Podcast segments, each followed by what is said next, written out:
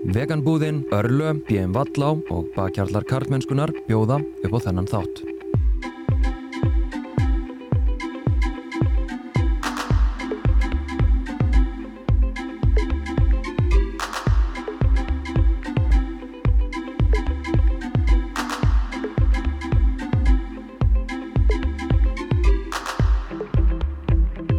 Veganbúðin er venjuleg búð með allt sem er vegan. BM Vallá gegnir fórustu hlutverki í framleiðslu á steipu og múrvörum og stefnir á kólefnis hlutleysi árið 2030. Örlö framleiðir fyrsta vegan omega-3 bætiefnið í heiminum með jákvægt kólefnis fótspor og þú getur síðan skráðið sem bakkjarl á karlmennskan.is, skástrygg styrkja og tryggt að það sem að þú ert að horfa á eða hlusta á sé ávalt opið og aðgengilegt öllum.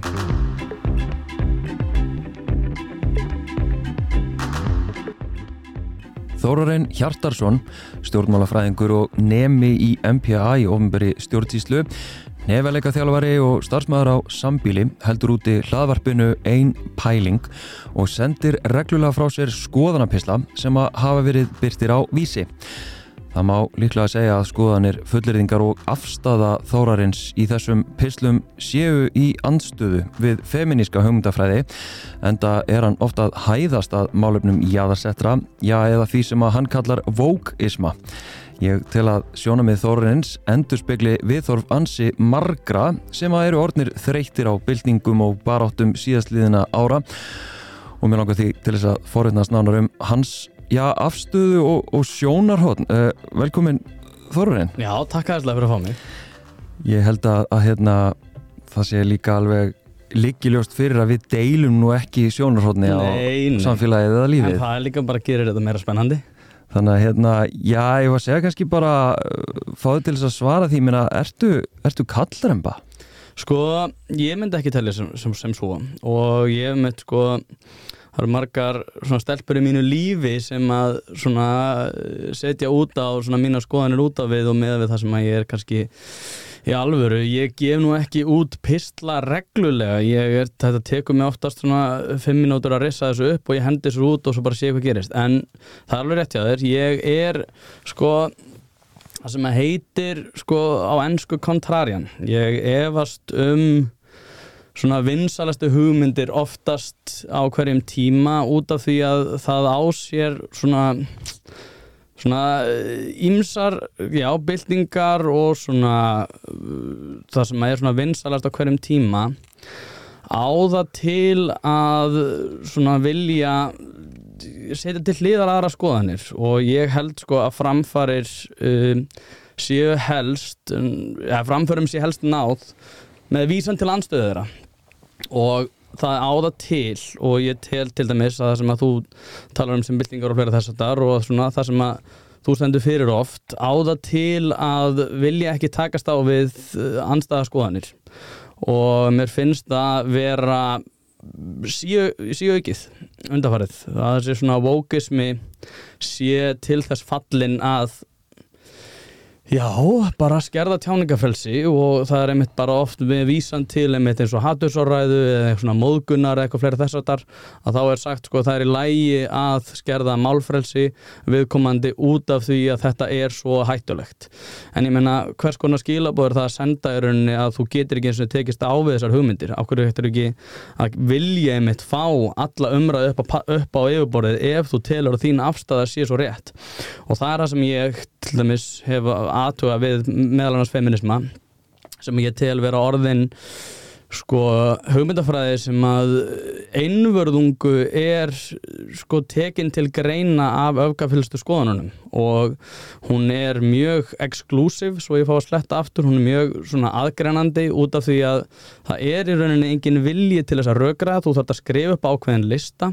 Þetta eru hugmyndir sem eru síbreytanlegar og þú þarf í rauninni að vera á réttri afstöðu alltaf sem að svona svolítið sýnir sig í, inn á Twitter og fleiri stöðum og það er svona ástæðan fyrir því að ég hef mínar evasemdir um þessar já þessar svona woke byltingar út af því að oftast er það náttúrulega sko byggðar á kannski jákvæðum grunni og hugmyndafræðin er í upphafi góð. En svo eins og Augmundur Jónasson saði við mig í viðtali fyrir ekki svo lengu að byltingar eiga til að svona vekja aðtigli og draga að sér varhugaverða einstaklinga sem hann, eins og hann orðaði sko blómstra hvar sem er en í rauninni nýta byltingar í eigin þáu mm, Hvað meinar með því?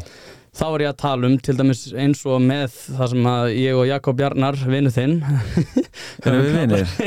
Ég er að stríða þér, hann er vinnu minn en hérna við höfum kallað þetta réttrúnariðinæðin út af því að ég til að svona byltingar og hlaðvarp eins og þitt og fleiri svona geti varla komist ekki ennum fimm setningar á þess að tala um óbert fíu og það er svona mín helsta aðtögun við svona woke byltingar. Ég held að sko þú getur alveg verið á ákveðinu afstöðu.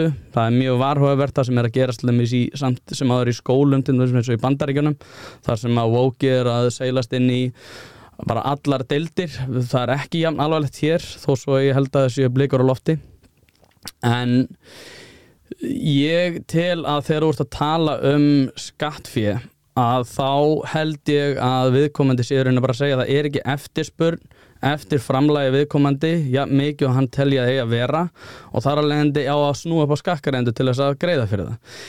Þar ertu svolítið komin inn á svið sem að ég held að sé ekki hægt að verja ég held að sé ekki hægt að verja það að út af því að fólk er ekki tilbúið til þess að greiða fyrir ákveðna þjóðnustu að þá eigi bara að taka það af ofnböru fyrir og stjórnmálamenn hafa með öllu leiti gefið sig uh, svona þetta Já, svona helga sig þessu að vilja einhvern veginn svona toga stað á vókismannum og sko það sem mér finnst alveglegast í því er að vinsturflokkar hafa farið algjörlega frá stjættabaróttu, þeir hafa farið algjörlega frá því að reyna svona að berjast fyrir kjörum efnahagslega svona, þeirra, sem eru efnahagslega uh, jáðarsættir og sjálfstæðisflokkurinn hefur til að mynda ótrúlegt aðgengi að atkvæðum kjósenda. Og það því að það trublar þá ekkert í sjálfum sér að vinstri menn séu að cancela hver öðrum á Twitter með vísan til veist, rángra skoðan á transfólki eða rángra skoðan um réttindabortu kvenna eða rángra skoðan um um uh, sko vændi eða klám eða eitthvað þvíumlikt og því að þeir hafa bara ótrúlega aðgengið að kjósundum og hugmyndafræði sem að sko er fyrir hana ríku. Eðli máls samkvæmt.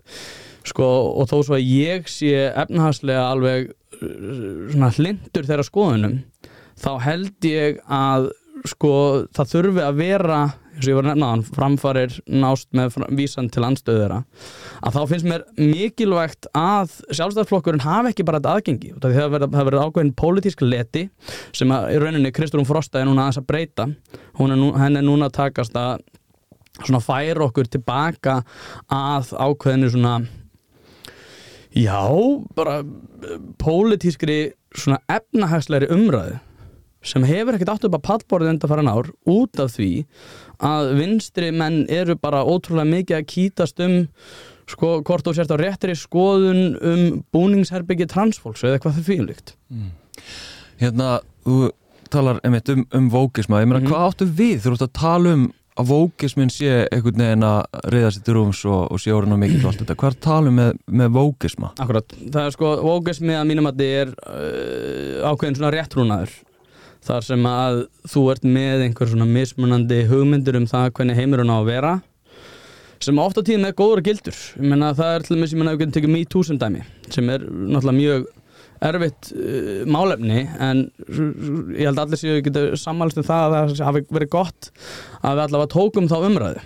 Um, sko vókismi í rauninni snýra því að þú þarfst að vera réttri skoðun alltaf og svo í rauninni er þetta ákveðin spírall upp á við þar sem að fólk fyrir að reyna að toppa hvort annað. Og sér þetta mjög mikið á Twitter og með 140 stafi til þess að koma með einhverja tjáningu og það er oftast nær þeir sem eru svona öfgafylstir eða með svona mest nittnir sem að ná mestri aðtikli sko óháð sko jákvæðinni þeirra skoðunar eða ekki. Og ég held að þetta sé hættuleg þróun gagvart líðræði út af því að þú veist, þegar þú talar við fólk þá er það í grunninn ekkert ofgafullt. Og ég meina þú veist ég hlust á podcasti þitt og ég meina ég held að ég sé jafnvel hægt að segja það um langflesta viðmælandi þína. Ég meina þetta er oft, ég var að hlusta á þær hérna þrjár sem að voru í hafa nýla um klám og hérna mentaskóla svona menningu. Það var bara ótrúlega áhugavert sko hvaðan þær voru að koma og mér fannst það bara mjög svona já, bara svona umræði sem þarf að eiga sér stað uh, sem að og ég er ekkert að segja þessi endalega sammála menn þetta er svona, það er verið að takast á við raunveruleg málumni en vókismin í rauninni snýra því að það eigi ekki að leifa samræður út af því og með vísan til hatursorðaði og ég held að til dæmis að bara hatursorðaði sé eitthvað viðfangsefni sem er ekki til út af því að allir eru með mismunandi skilgreiningar á það hvað hatursorðaði eigi að vera. Og þá segir fólk, nei, býtu nú við þóra en það er hérna domstólar sem að skera úr um hvað sé hatursorðaði og hvað sé ekki hatursorðaði en ég minna að þú þarft ekki að grafa landinu söguna til þess að sjá það að er alls konar hagsmuna öll og stjórnmálhópar sem hafa einmitt vísa til domstóla í því að geta þakka fólk niður. Dæmis Oliver Wendell Holmes sem er lögfræðingur sem var í bandaríkjónum mjög vinsæl hérna, hæstaréttadómari hæstaréttadómari og hann einmitt sko sagði það að þú meir ekki öskra að sko tjáningafrelsi sé mikilvægt en þú meir ekki öskra eldur í uh, hvað sagðan krátið þýðir þannig að þú veist í einhverju leikhúsi sem er fullt af fólki En hvað, vor, hvað, hvað var verið að hérna, sagt, að kveða í kútin? Það var verið að kveða í kútin jittíska sko gýðinga sem að höfðu það gert að sög að reyna að mótmæla ingöngu bandarækjumanna í fyrir heimstyrjöldina. Það var risastór eldur við sko landamæri mismunandi landa í Evrópu og þeir voru reyna að fara rauk fyrir því að bandarækjumann ættu ekki að fara í þetta stríð. Og þá allt í henni kemur hæstarættdómar og segir herðu, nöybítu við, þú verður að passa þig sko, hattusorraða er ekki góð sko, við verðum að passa okkur og það er alltaf þessi þróun. Þú getur séð þetta í Kambodíu getur séð þetta í Rwanda það er alltaf með vísan til þess að fólk eigi ekki að fá að tjá sig.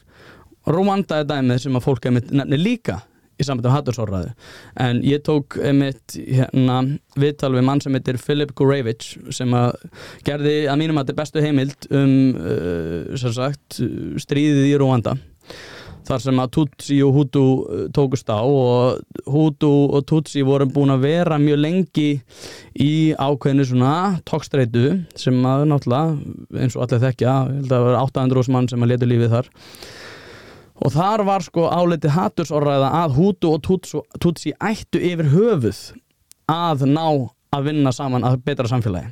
Það var álitið sem sko svona bjöguð lífskoðun að vilja að lifa í sátt og samlindi við hinn. Þannig að sko þegar við erum að tala um tjáningafrelsi að þá finnst mér og það er, og svo ég kom að punkturinn með vókisma þá finnst mér að það er alltaf til hópar og verð alltaf til hópar sem að vilja skerða málfrælsi viðkomandi. Og það er alltaf með vísan til umburðalindis það þurfa að passa upp á einhverja það þurfa að passa upp á ákveðina svona samfélagsstjórn sem að við erum svona veitum ekki alveg hverju setjum puttan á en við látum einhverja svona eins og segja, vókstera stjórnæði. Og það er svona mín helsta afstæða gagvart vók það er þessi svona síbreytilega afstæða til mismunandi málefna og skerðing og tjáningafrælsi Ok. Um, um, Mætti skilja sem svo að, að þér finnist þá í rauninni þessi sem að þú talar um sem öfgafylstu sem er að toppa aðra á Twitter mm -hmm. hafa þá hvað ómikil völd í íslensku samfélagi? Já, já, ekki spurning ekki spurning? Ég meina, ekki, ég meina, þú sér það alveg á samfélagsumræðum. Ég meina, svo komum aftur að bara ofnbæri fyrir, það er engin hópur sem hefur ja, gott aðgengi að ofnbæri fyrir, þú sér ég meina, Katrín Jakobsdóttir er til dæmis núna búin að vera uh, svona gefa gefa þessu undir fótinn svona woke stemningunni og ég meina, ég, ég skil það svo smálega ég verði að hennar aðstofamæður, þá myndi ég gera það sama. Ég myndi alltaf vera vilju eða segja henni að vera vilju til þess að gefa ábyrgt fyrir til þessara hópa. Og alltaf að þau hafi rétt fyrir sér umræðanum fleiri þess aftar út af því að, ég meina, hún ég held að mælist með hvað 6,3% Hvaða hópa er þetta að tala um að hún sé að dæla fjegi? Til dæmis eins og, ég meina, Sigurður á Andersen benti þá að samtökjum 78 fengið þrefald uh, sagt, uh, fjármagn núna. Og ég meina ég stið baráttu samtakana 78 helsugar í samvættu við margt sem þið er að gera. En aftur á móti þá veist, eru sumir sem er t- tilheyra, ættu að tilheyra þessum hópi sem að eru ekki fá ekki í rauninni pláss þar innan bors og minna, mér finnst bara svona af, af hverju þreföldun af fjármagni? Það er alltaf einu svo rosalega mikið það er vísað til þess að það sé margfalt meira fjármagn sem er sett í áleika samtök í, í Svíþjóð og fleiri þessu þannig að það er náttúrulega margfalt fleiri, fleira fólk sem að þarf á þeirri bara að halda. Þannig að sko jafnrétti stofa finnst mér ekki eiga að fá jafn mikið fjö uh, þú veist til dæmis podcasti hér fær náttúrulega líka úr sjóðum almennings, jafnrétti stofu og það er það sem að sko mér finnst svona vera varhugavert.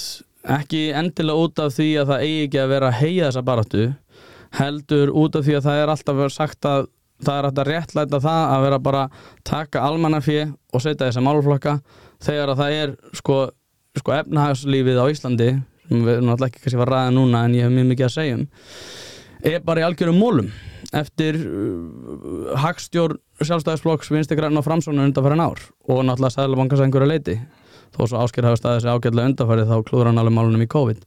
Og það er svona þetta sem ég finnst þurfa þess að aðtöga og ég held að sko skakkareyndu þurfa að sko sjá einhvers konar ábyrð í efnaðasmálum þar sem það er ekki bara minna, ég var að hlusta hérna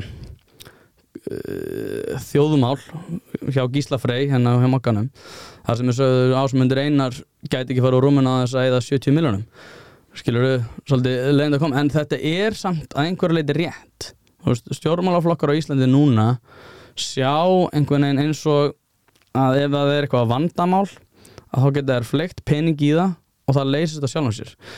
En ég meina, ég veit ekki þú veist eins og með woke yðnaðin svo við komum aftur honum það er alltaf að tala um þessa fræðislu veist, það er bent til einhvers slæm sem að gerist og við, það, við þurfum að auka fræðislu en ég meina ég held að það sé bara ekki búið að sína þann árangur sem okkur var lofað.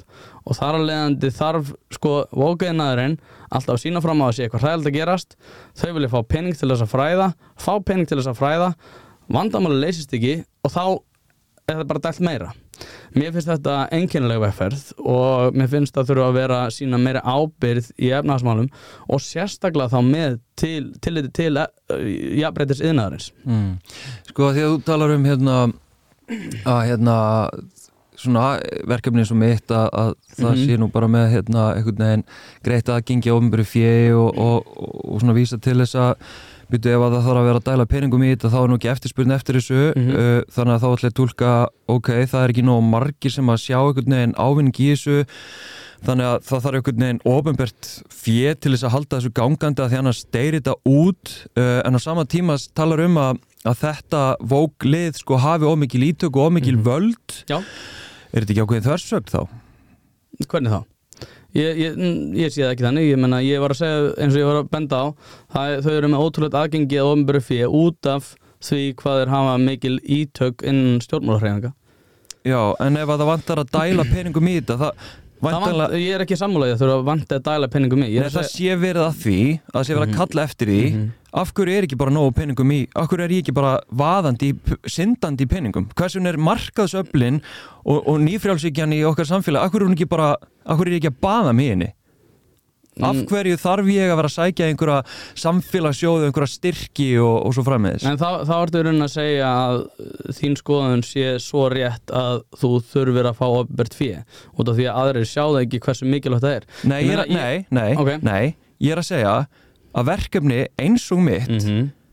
það, því er bara sjálfhætt það er semst, markaðurinn að segja, það er ekki nóg mikið af fólki sem að bera þetta uppi alveg eins og bara annað skilur Mhm. að það þarf til þess að halda lífi í samtökunum 78 eða bara hverju sem er Mhm. að þá þarf að koma í raunni einhver staðar að, annar staðar í einhverju svona yfirskinni góðgerða eða, Mhm. eða samfélagsábyrðar eða einhverju Mhm. vegna þess að það er þú veist, þetta er á skjön við það sem ég segi meginströmmin Mhm. meginströmmurinn, hann er á mótið þessu. Mhm. mainstreamið mainstreamið er á mótið þessu. Skilur Mhm. ég skil hvað mennar en, og ég myndi reynda að setja sko, alveg eins og ég set landslið og Sinfoni hljómsveit Ísland út fyrir svega samt og ofrið því að ég setja samtæki 78 út fyrir svega út af bara sögulega samhengi. En með vísan til uh, annara verkefna líkt á bara en, en þið finnst samt að þau fá ómikið penning Nei, nei, nei, ég bara skildi ekki okkur það var alltaf einu þreföldun með vísan til ekki Ah, ok. neins það var Ok. okay. reyns ég er að segja nei, nei, ég, ég er alveg, skilur ef þetta hefði verið 150% þá hefði þetta örgulega ekki náð í, með varst aftur á móti ágætis punktur og Sigurinn á Andersen sem ég veit að er ekki vinsalt að segja um, það að, menna, þetta er ástæði fyrir verðbólgu, ég menna það, það, þarf að finna hana pening einhversta rannitekjan skakkreindum og skakkreindur eru eiga erfiðara með að búa til verðmæti út af verðbólgu en, svo við höldum okkur við það sem við vorum að ræða hérna ég er raunin að segja að skilur ástæðan fyrir því að þú sért ekki með nógu marga áskrifundur eða nógu mikil eftirspurn er ekki sjálfkrafa uh, réttlæting á því að þú er að fá uppinbært við ég meina ég er með podcast sjálfur ég Nei, út- býta eins, nei, ég er ekki að segja það. Ég er ekki að segja það. alls ekki. Ég er að tala um að því þú talar um eins og vókismin eða það sem ég geri eða verkefni sambarilega eða mm -hmm. bara hugmyndafræðin, hugssjónin, stefnan sem að ég þá stend fyrir Já. að hún sé svo völd, valdamikil að hún hafi svo greitt aðgengi ofnböru fjö Mm. þú veist, þú setur svona spurningamerki við þetta Mhm. eh, en Nei, ég sé, ég það ekki spurningamerki að hún sé valdamikil ég sé spurn, spurningamerki að hún fá uppbært við já, Já. en ég er að tala um að, að hérna, mér finnst það að vera þversögn ok, vegna þess að og ég ætla bara að hoppa beint bara hoppa beint inn í það.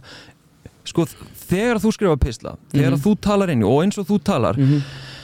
þú bara situr í þínum forréttindum. Þú ert í forréttindastöðu þar að segja samfélagið okkar það er hannað fyrir gauðra eins og okkur. Mhm.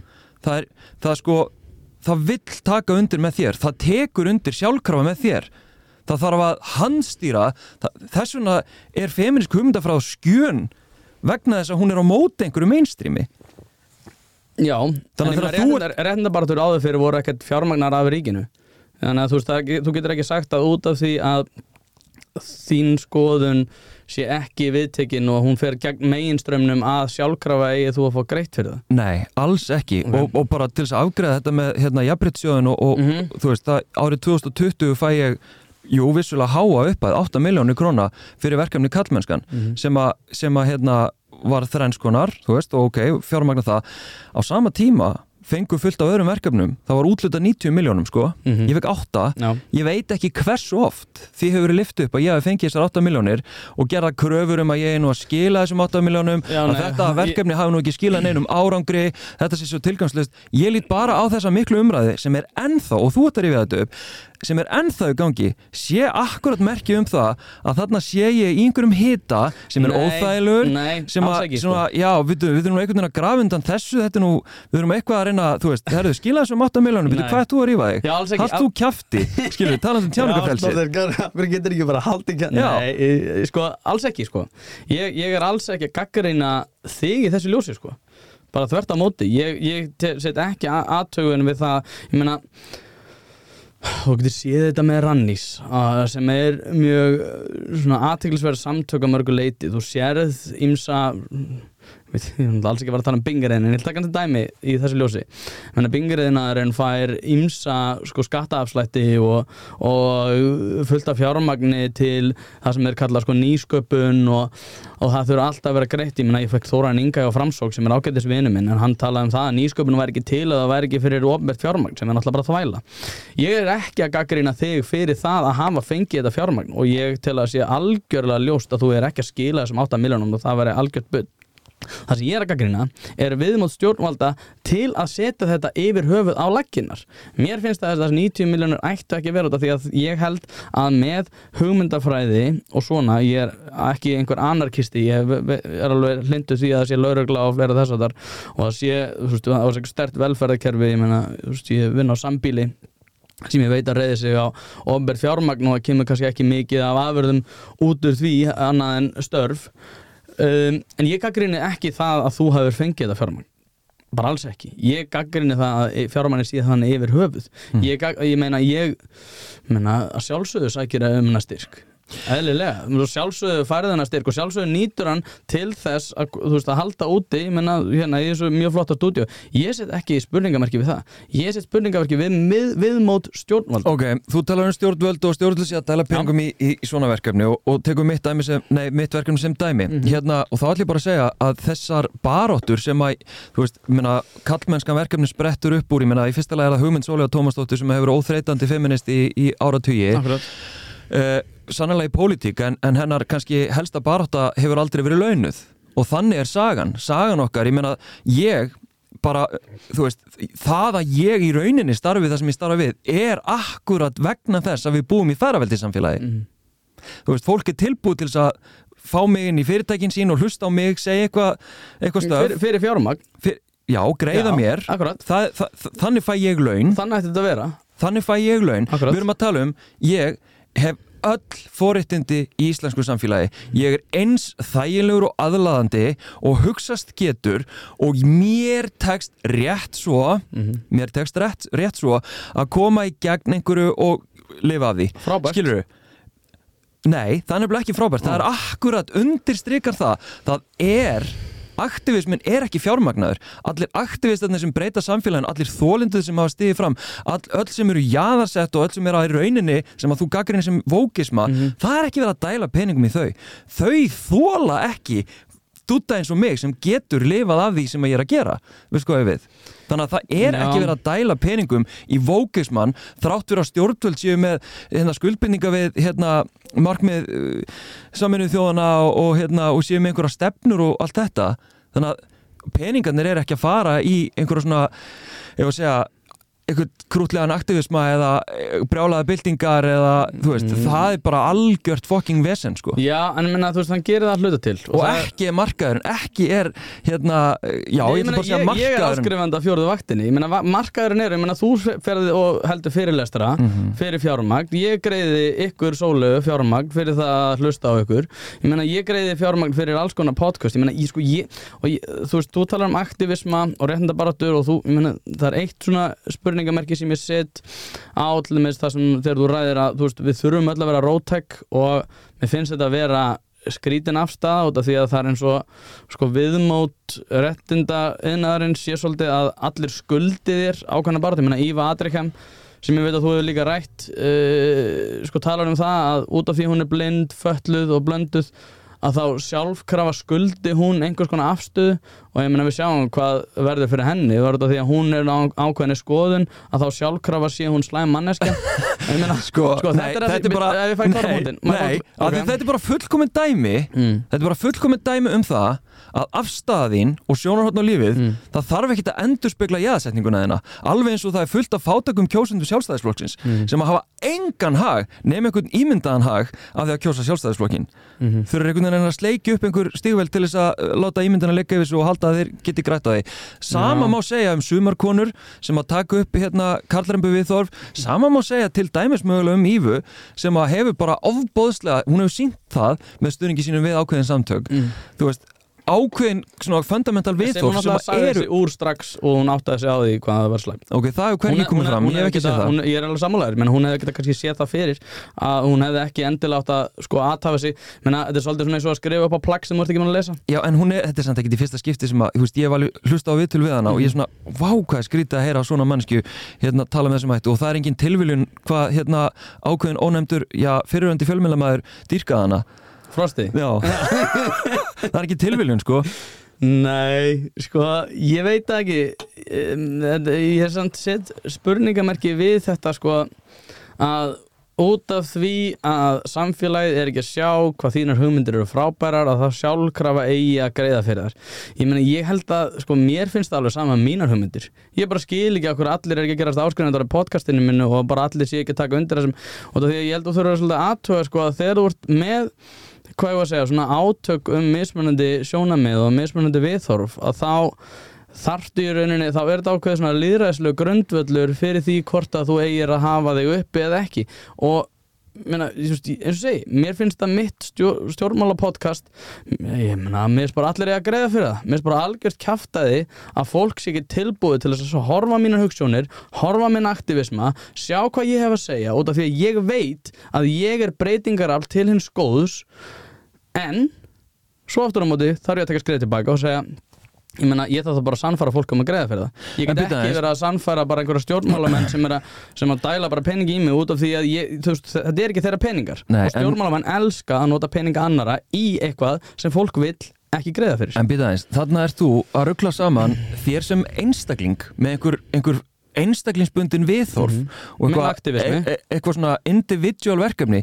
Það sem ég er að tala um er hugmyndafræði ég er að tala um stefnur, ég er að tala um aktivismi ég er að tala um í rauninni viðþorf nei, ég er að tala um viðþorf Mhm, mín viðhorf. fundamental viðþorf þín viðþorf, það sem að þú ert að tala fyrir er bara, þú veist, bara En það er meginströmmur, þú varst að segja Já, áðan. það er algjör meginströmmur og þess vegna er svo mikilvægt að fólk það- þurfa að greiða fyrir það. En það er samt, það er samt kemur ekkert á óvart að það sé ekki eftirspurn eftir þínu, af því að þetta, það er allt út í þessum viðþórum samfélag okkar er bara þarna. Ef við skoðum bara til dæmis hérna bara, þú veist, hver eru vinsælustu til dæmis, hver eru vinsælustu hlaðvörpin?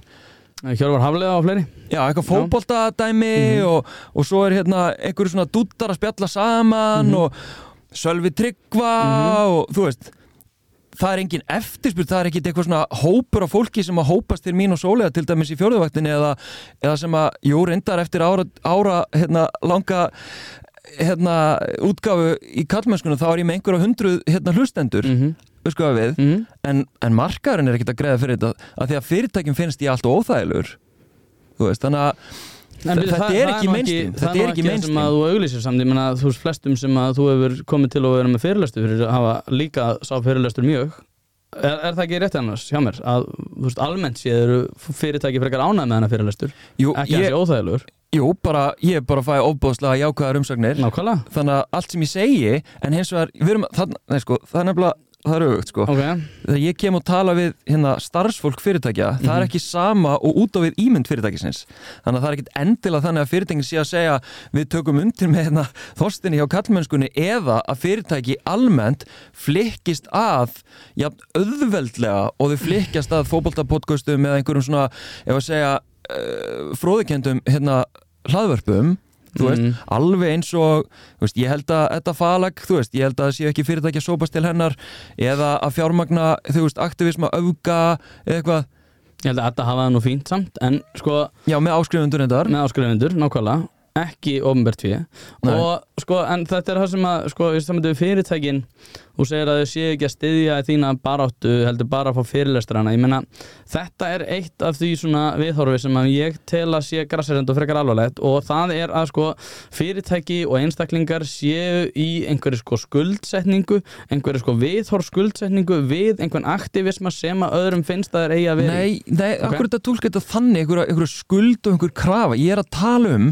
Mm. að það er ekki sexy það er ekki sexy, það er ekki, það er ekki sölu vara Mm. það er ekki hérna að því að það er svo óþægilegt, það er svo rótækt fyrir bara, tökum eitthvað hérna bara, fyrsta sem er dettur í kók segjum bara kók, það er ekki sexy fyrir kók að hérna að segja við tökum undir með kallmennskunni, við tökum þá afstöðu sem vörumerki, vegna þess að vörumerkið kók, þá hugsaðar, næ, þetta getur nú stuðað fólk og við getum ekki verið að taka svona rótaka afstöðu það er það sem ég er að tala um. Það er, það er hérna, þú veist, marka, með öðrum orðum það sem ég er að segja, mainstreamið það er að segja massin af fólki segjum bara 80% svo ég bara skjóti til loftið, massin hann horfir, úf, ég ætla nú bara að vera hlutlaus hér, svona eins og það ég mennar Þannig að- Já, en sko, er samt ekki meina, eins og með vívilfell ég, held að þeir vakni bara daginn og hugsi með sér nú ætla ég að koma kolsýrðum drikk ofan í áldós og ég held að sé ekki að hugsa sko, hvaða afstöðu ætlum við að taka til karlmennskunar og þú segir að það sé sjálfkraf eitthvað slæmt. Ég held að þetta sé bara fullt af fólki sem að mætir í vinnu setur kolsýrðan drikk í áldósir fari heim spjalli við krakkana sína horfa Netflix þátt með konunni eða kallinum eða hverjum sem er fara að sofa, vakna og gera það sama og reyna að gera eitthvað skemmtilegt um helgina. Ég held að fólk sé almennt séð eitthvað bara að reyna að njóta lífsins og ekki í einhverjum taka afstöð til einhvers aktivism alltaf. Og ég, þetta er ég segja þú verður að fyrirgefa því ég, ég, ein, því ég heyri ennþá að það sé ákveðin svona afstöðu skuldsetningu, skilur, af hverju er ekki kók bara að styðja við karlmennskuna? Hvað er eiginlega að þeim? Minna, það er að segja þetta um allar öll viðþorfi, af hverju er ekki kók að ofinberlega segja að störa hlindir kapitalisma, þeir eru það ég veit það, þeir eru örgulega líka hlindir mörgu að, minna, veist, af hverju er orðið faggi farið úr okkar orðanótkun minna, af hverju En veistu það ekki samt? Jú, út af því skilur bara eins og þér, ég er að hrósa sko. Ég er að hrósa þér fyrir ákveði sko ákveði viðhorfsbreytingu sem hefur átt til staði í samfélaginu. Ég menna það að stráka gráti, ég menna ég, mér þótti alltaf einkennilegt þegar þú varst að ræða að just, ég, menna, ég græt stundum. Ég menna ég hef lendi í tveimur áföllum undarfærið ár og, eða undarfarið ár nei, jú, undarfarið ár og sem að hafa bara tekið gríðanlegan toll og ég hef bara þurft að fara í bílinn og fara að gráta og svo, þú veist, fer ég til kærastunum minnar og segja ég var bara gráðin eina rétt á hann, ég er pínu lill í mér og svo kemur þú með eins og feðrasögur og fleiri sögur þar sem að þú ert í raunin að varpa ljósi á hvaði viðmót sem ungistrákir hafa þar sem ég get ekki grátið í jarðaföru einn ein móður og fleiri þess að og ég var bara what? Veist, okay, mér, mér fannst það pínu skrítið þegar þú varst að segja að þetta var vandamál. Þú bendir á sögur það sem þetta er vandamál. Svo fyrir ég að skoða bara, er þetta kannski vandamál? Er þetta strák kannski ómikið, einhvern veginn að lega sér ekki að vera tilfinningan að næmur og þess að þetta er allt jákvæmt og þetta er það sem ég horfi til með þessi saman til barðana þína meina, það er fullt sem er ótrúlega jákvæmt við hana. Það er fullt af hlutum sem þú hefur gert sem er alveg frábær ég er bara að segja að það að allir séu ekki að taka afstöðu til karlmennskun og hverjum degi er ekki sko vísbending um það að fólk sé almennt sé eitthvað á móti þér og einhverju svona meginströðums nýfrjálsíkju, kvennhatandi yðju alla daga. Ég held bara að fólk sé almennt séð að reyna að njóta lífsins. Og jú, það er fullt sem að var hægt að með reyndabarátur það er fullt sem hægt að taka gott úr þeim en ég bara held að til og með eins og þú tekum bara bara þetta heldökkara í bandaríkjunum hún var ekki unnin út af ofinböru fíi ég held að þessar baráttur og það sem að þú ert að segja að þú, veist, þú þurfir ofinböru fíi út af því að það er svo lítill sko, stuðningur við þetta það er það eru verklega allir sem geta tekið slíka afstöðu með einu með öðrum hætti sérstaklega með þessu stjórnmálöfl minna af hverju stjórnmálöfl að fá greitt fyrir það að halda áttur sínu rekstri? Þau eiga geta, þau, ef, að, ef að það er nógu mikið stuðningur þá á sjálfstæðisflokkurinn að geta aflað fjö í gegnum félagsmenn eins og allir aðrir, þá ekki verið að dæla pening og þetta er það sem er önnur líðræðislega ógn. Já við getum svo sem haldið áhrum að, að, að tala um hérna, fjármagn og, og peninga en, mm -hmm. en mhm. hérna veist, það sem ég er að benda á bara er að, veist, að það sem ég er að meina með til dæmis að nefna sem random dæmi kók hérna, mm. og þú talar um eitthvað dúta sem er ekkert að spá í þessum málum en, en sko kóka með markastjóra mm. og mhm. markas stjórnendur vantilega sem að pæla alveg í því hvernig getur við selt meira kók. Uh, ok, við ætlum að gera eitthvað til þess. Við ætlum til dæmis að setja peninga í fótbolltalið, í KSI hversuna gera þau það en ekki eitthvað annað? Vegna þess að þau meta sem svo að það seljum fleiri kókdósir að tengja sig við ákveði málumni en ennur ekki. Og það er mm. það sem ég er að benda á. Ég er að benda á hvernig þetta er kerfispundið ekki eitthvað mitt entitlement í peninga Nei. heldur hvernig í rauninni eh, ef að segja, móttöku skilirðin en fyrir ekki bara mér og mínu verkefni heldur almennt þessum hugmyndum hver þau eru af því að þú talar eins og þú sért á einhvern veginn öndurum meði við meginströmin og, og sért einhvern veginn í einhverju svona liðræðisbaróttu mm -hmm. og ég segi bara nei, þú ert bara með meginströminum mm -hmm. Það getur verið sko, það getur verið Erna, um, en ég menna sko með fullri verðingu fyrir podcastinu mínu og þínu þá er meiri eftirspunni eftir fókbalta og þar alveg endur sjá Víbelfell sér betur í svonum borgið að í rauninni að greiða meira en á það mm -hmm. skilur þú, kannski hefur ekki bara gefað sjátt á þig ef einhver er að hlusta sem hefur ítök í Vívilfell að, að styrkja podcastið þitt og ég vel mitt ef, Nei, ef þú veist, þetta snýr ekkit að því mér er drull, þú veist, ég er bara okay. fýtt sko, ég, ég er ekki að tala um þetta þannig ég er að tala um, ég er að svara í rauninu punktinu þínum mm. með hérna fjármagnið, mm -hmm. skilur og ég er að tala um hlustunaskilin það er það sem ég er að benda á en þú veist, ég bara Hvað mennur það með hlustuna skilir þið? fólk er bara þreytt á þessum helvítis feministum Mm. nenni bara að fucking halda kjafti jafnbrettið er komið, Mhm. hættið þessu væli og hlustið á hérna hættið að skerða tjáningafrelsi mitt Já. þú veist, þetta er bara hættulegt, sjáu hvað gerist hérna í Rwanda og menn ég segi, byrju, í alvörinni í alvörinni hérna, ok, ég ætla að hætta ég ætla að fara aðeins inn í pislana því Já, að maður langar aðeins að fá þetta að svara fyrir það og ég segi sko þetta séu forhundafyrti pislar, ég hef nú bara sagt það við Já, persónulega ég það, Eh, ég sé ignorant og forréttinda fyrir Já, ótrúlega ignorant og forhundafyrtir Mhm. oft á tíðum og hérna, og jú, kannski byrja því bara árunum fyrir að pisla, bara Já. af hverju? Já, hörru, þú mig með þetta þessu, hérna, hvað er þitt why? Já, Og það er sko, ef ég var hreinskilin líka við þig, þá held ég að þú ætlaðir ekki að fá mig út af því að ég var náttúrulega aðeins að íta eftir þessu.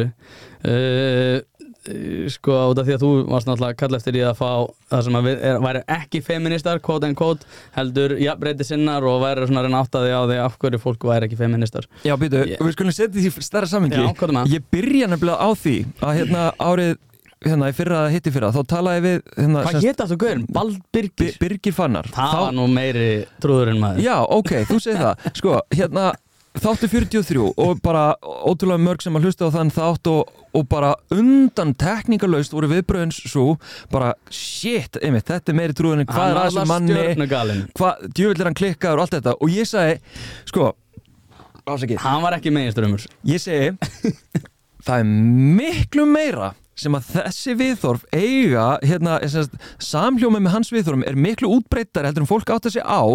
Eini munurinn á honum ok, jú, ég ætla að fara þangað og þér er að hann er ekki að klára dulbúa sín viðþorf Nei, í einhverja búninga. þú ert miklu klárari þú ert greindur, þú ert skarpur þú ert vel lesin, þú ert mentaður þannig að þú ert miklu klárari að pakka þínum, ef að segja, for, þinni forendafyrring og sexisma í einhvern krútlegan búning og fara fyrir húnu rauk og síðan þurfum við að kljást við einhvern svona eitthvað skrimsli á einhverjum trójuhesti og, og í rauninni sitja uppi með þá tilfinningu hvað er eiginlega að mér? Já, já, ég, ég þakka þakka hérna gullhamrana uh, fyrir það að vera klár. En það að vera eins og þessi maður sko ég náttúrulega tek algjörlega þvert fyrir það. Það er ekki rétt, uh, ekki með Nei. einum móti. Ok, en við förum inn í gegnum þetta og eftir og ég ætla að fara Já, rauk fyrir le- leiðu mér að svara, vegna. nei, nei, leiðu mér að svara með sko tilliti til samanbörðarins já, og Eh, vægið, ha? og vægið þitt líka í leiðinni. Vægið? Why, af Já, hverju? why, why, já, já, fyrir ekki Ég er röglega Hérna, uh, sko, með hann Þá var hann, ef ég er að mynda rétt, ég hlusta á þetta þegar þetta kom út Þá var hann að tala fyrir því að konur ættu nú bara að ha- halda sér til hljés Það ættu ekki að vera fyrir, það ættu ekki að taka mikið pláss Það veru ekki að fara eftir kristilegum gildum.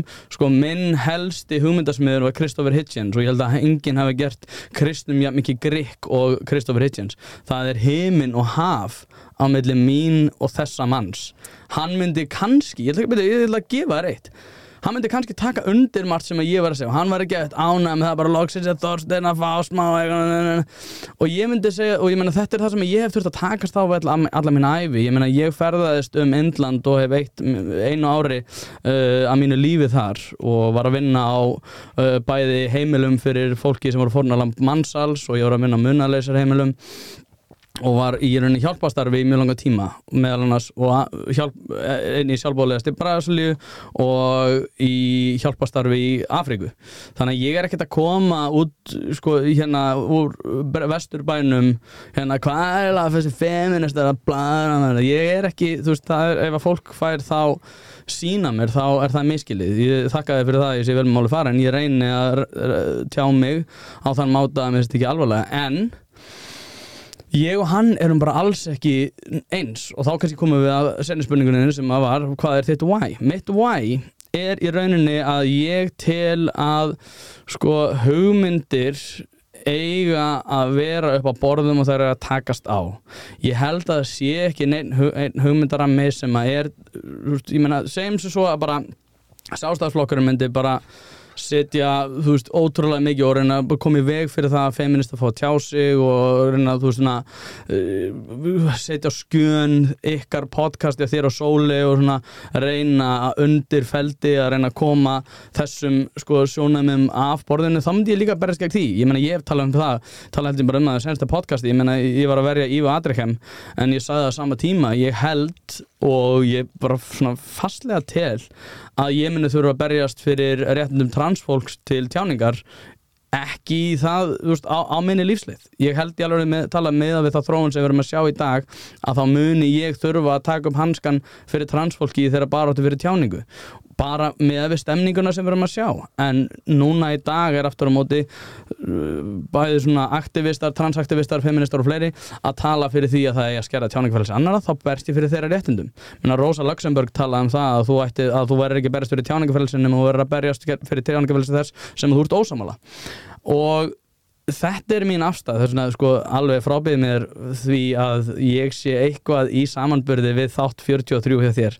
Og ef fólk hlustar á hann og heyri það sama og ég er búin að vera tjá mig um í dag þú kallar það tróju hest mér finnst það pínulegilegt komment en ég menna, ég tek á kassan Já, ég segi bara áfram að, að hérna, það er margt sem að hérna í rauninni þessi, svona viðþórin sem eru undirliggjandi þó að ég, ég hérna, skal alveg taka því að, hérna, þú segir ekki og mögulega svona í alvörunni hefur ekki ákveðin viðþór sem að hann hefur Nei, gagvart alls konar Eh, var eiginlega engu með það sem hann var að segja. En hérna, en svo ætlum ég bara aðeins að taka hérna eitt pistil, bara brúa hérna inn í eitt pistil sko. Uh, það er pistil frá 15. ágúst 2022 Já, ok Veist hvað pistil það er? Nei, ég, ég segir þetta er oftast fimm, ég var, ég var að vara út af því að þú talar um að, að um pislana mína ég þurfti að skoða, ég nefndi ekki að lesa en ég þurfti að skoða sko, hvað ég var að segja við hverjum, skilur, hvað var titillin út af Já. því ég er, þetta vanlega tekur mig svona 5 minútur að reysa þetta upp, ég hendi svona vísi Já. og svo pæli ég í því Ok, það er aðeins öðru seldur en ég vinn því að hérna þú nei, bara í hvert skipti sem að ég nei, sko, það er ekki mitt val það er bara fenginni reynslu af, af þessum, já, því sem ég hef verið að gera að áður en ég set eitthvað út ég sem sagt vinn þannig að ég set hérna hugmyndir í, í, í notes á mér, ég er svona, að já, ég þarf að adressa þetta. Og svona skrifa það niður. Mm -hmm. og langa oftast vinni þannig að ég seti þetta niður og svo meldi ég þetta. Og ég meldi Mm. þetta oft í einhverju klukkutíma bara endalaust einhvern veginn er svona með þetta bara mallandi.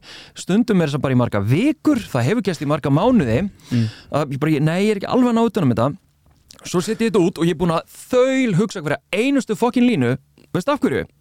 Út af því að þú hefur brendið á að gera það ekki vegna þess að fólk nýtir í það og bara minnsta svona eitthvað þá er ég ekki að tala um endilega frá feministum sko. þá er ég að tala um að það er hvert einasta smáatriði og þetta sést til dæmis á Twitter að ef að ég set út eitthvað sem er ekki alveg nóg djúpt hugsað Mhm. að þá sko hlakkar svo mikið í fótboltasjómlunum Já. að geta haft högstað á mér og ekki bara mér, heldur á fólki eins og mér kannski sem að hefur svona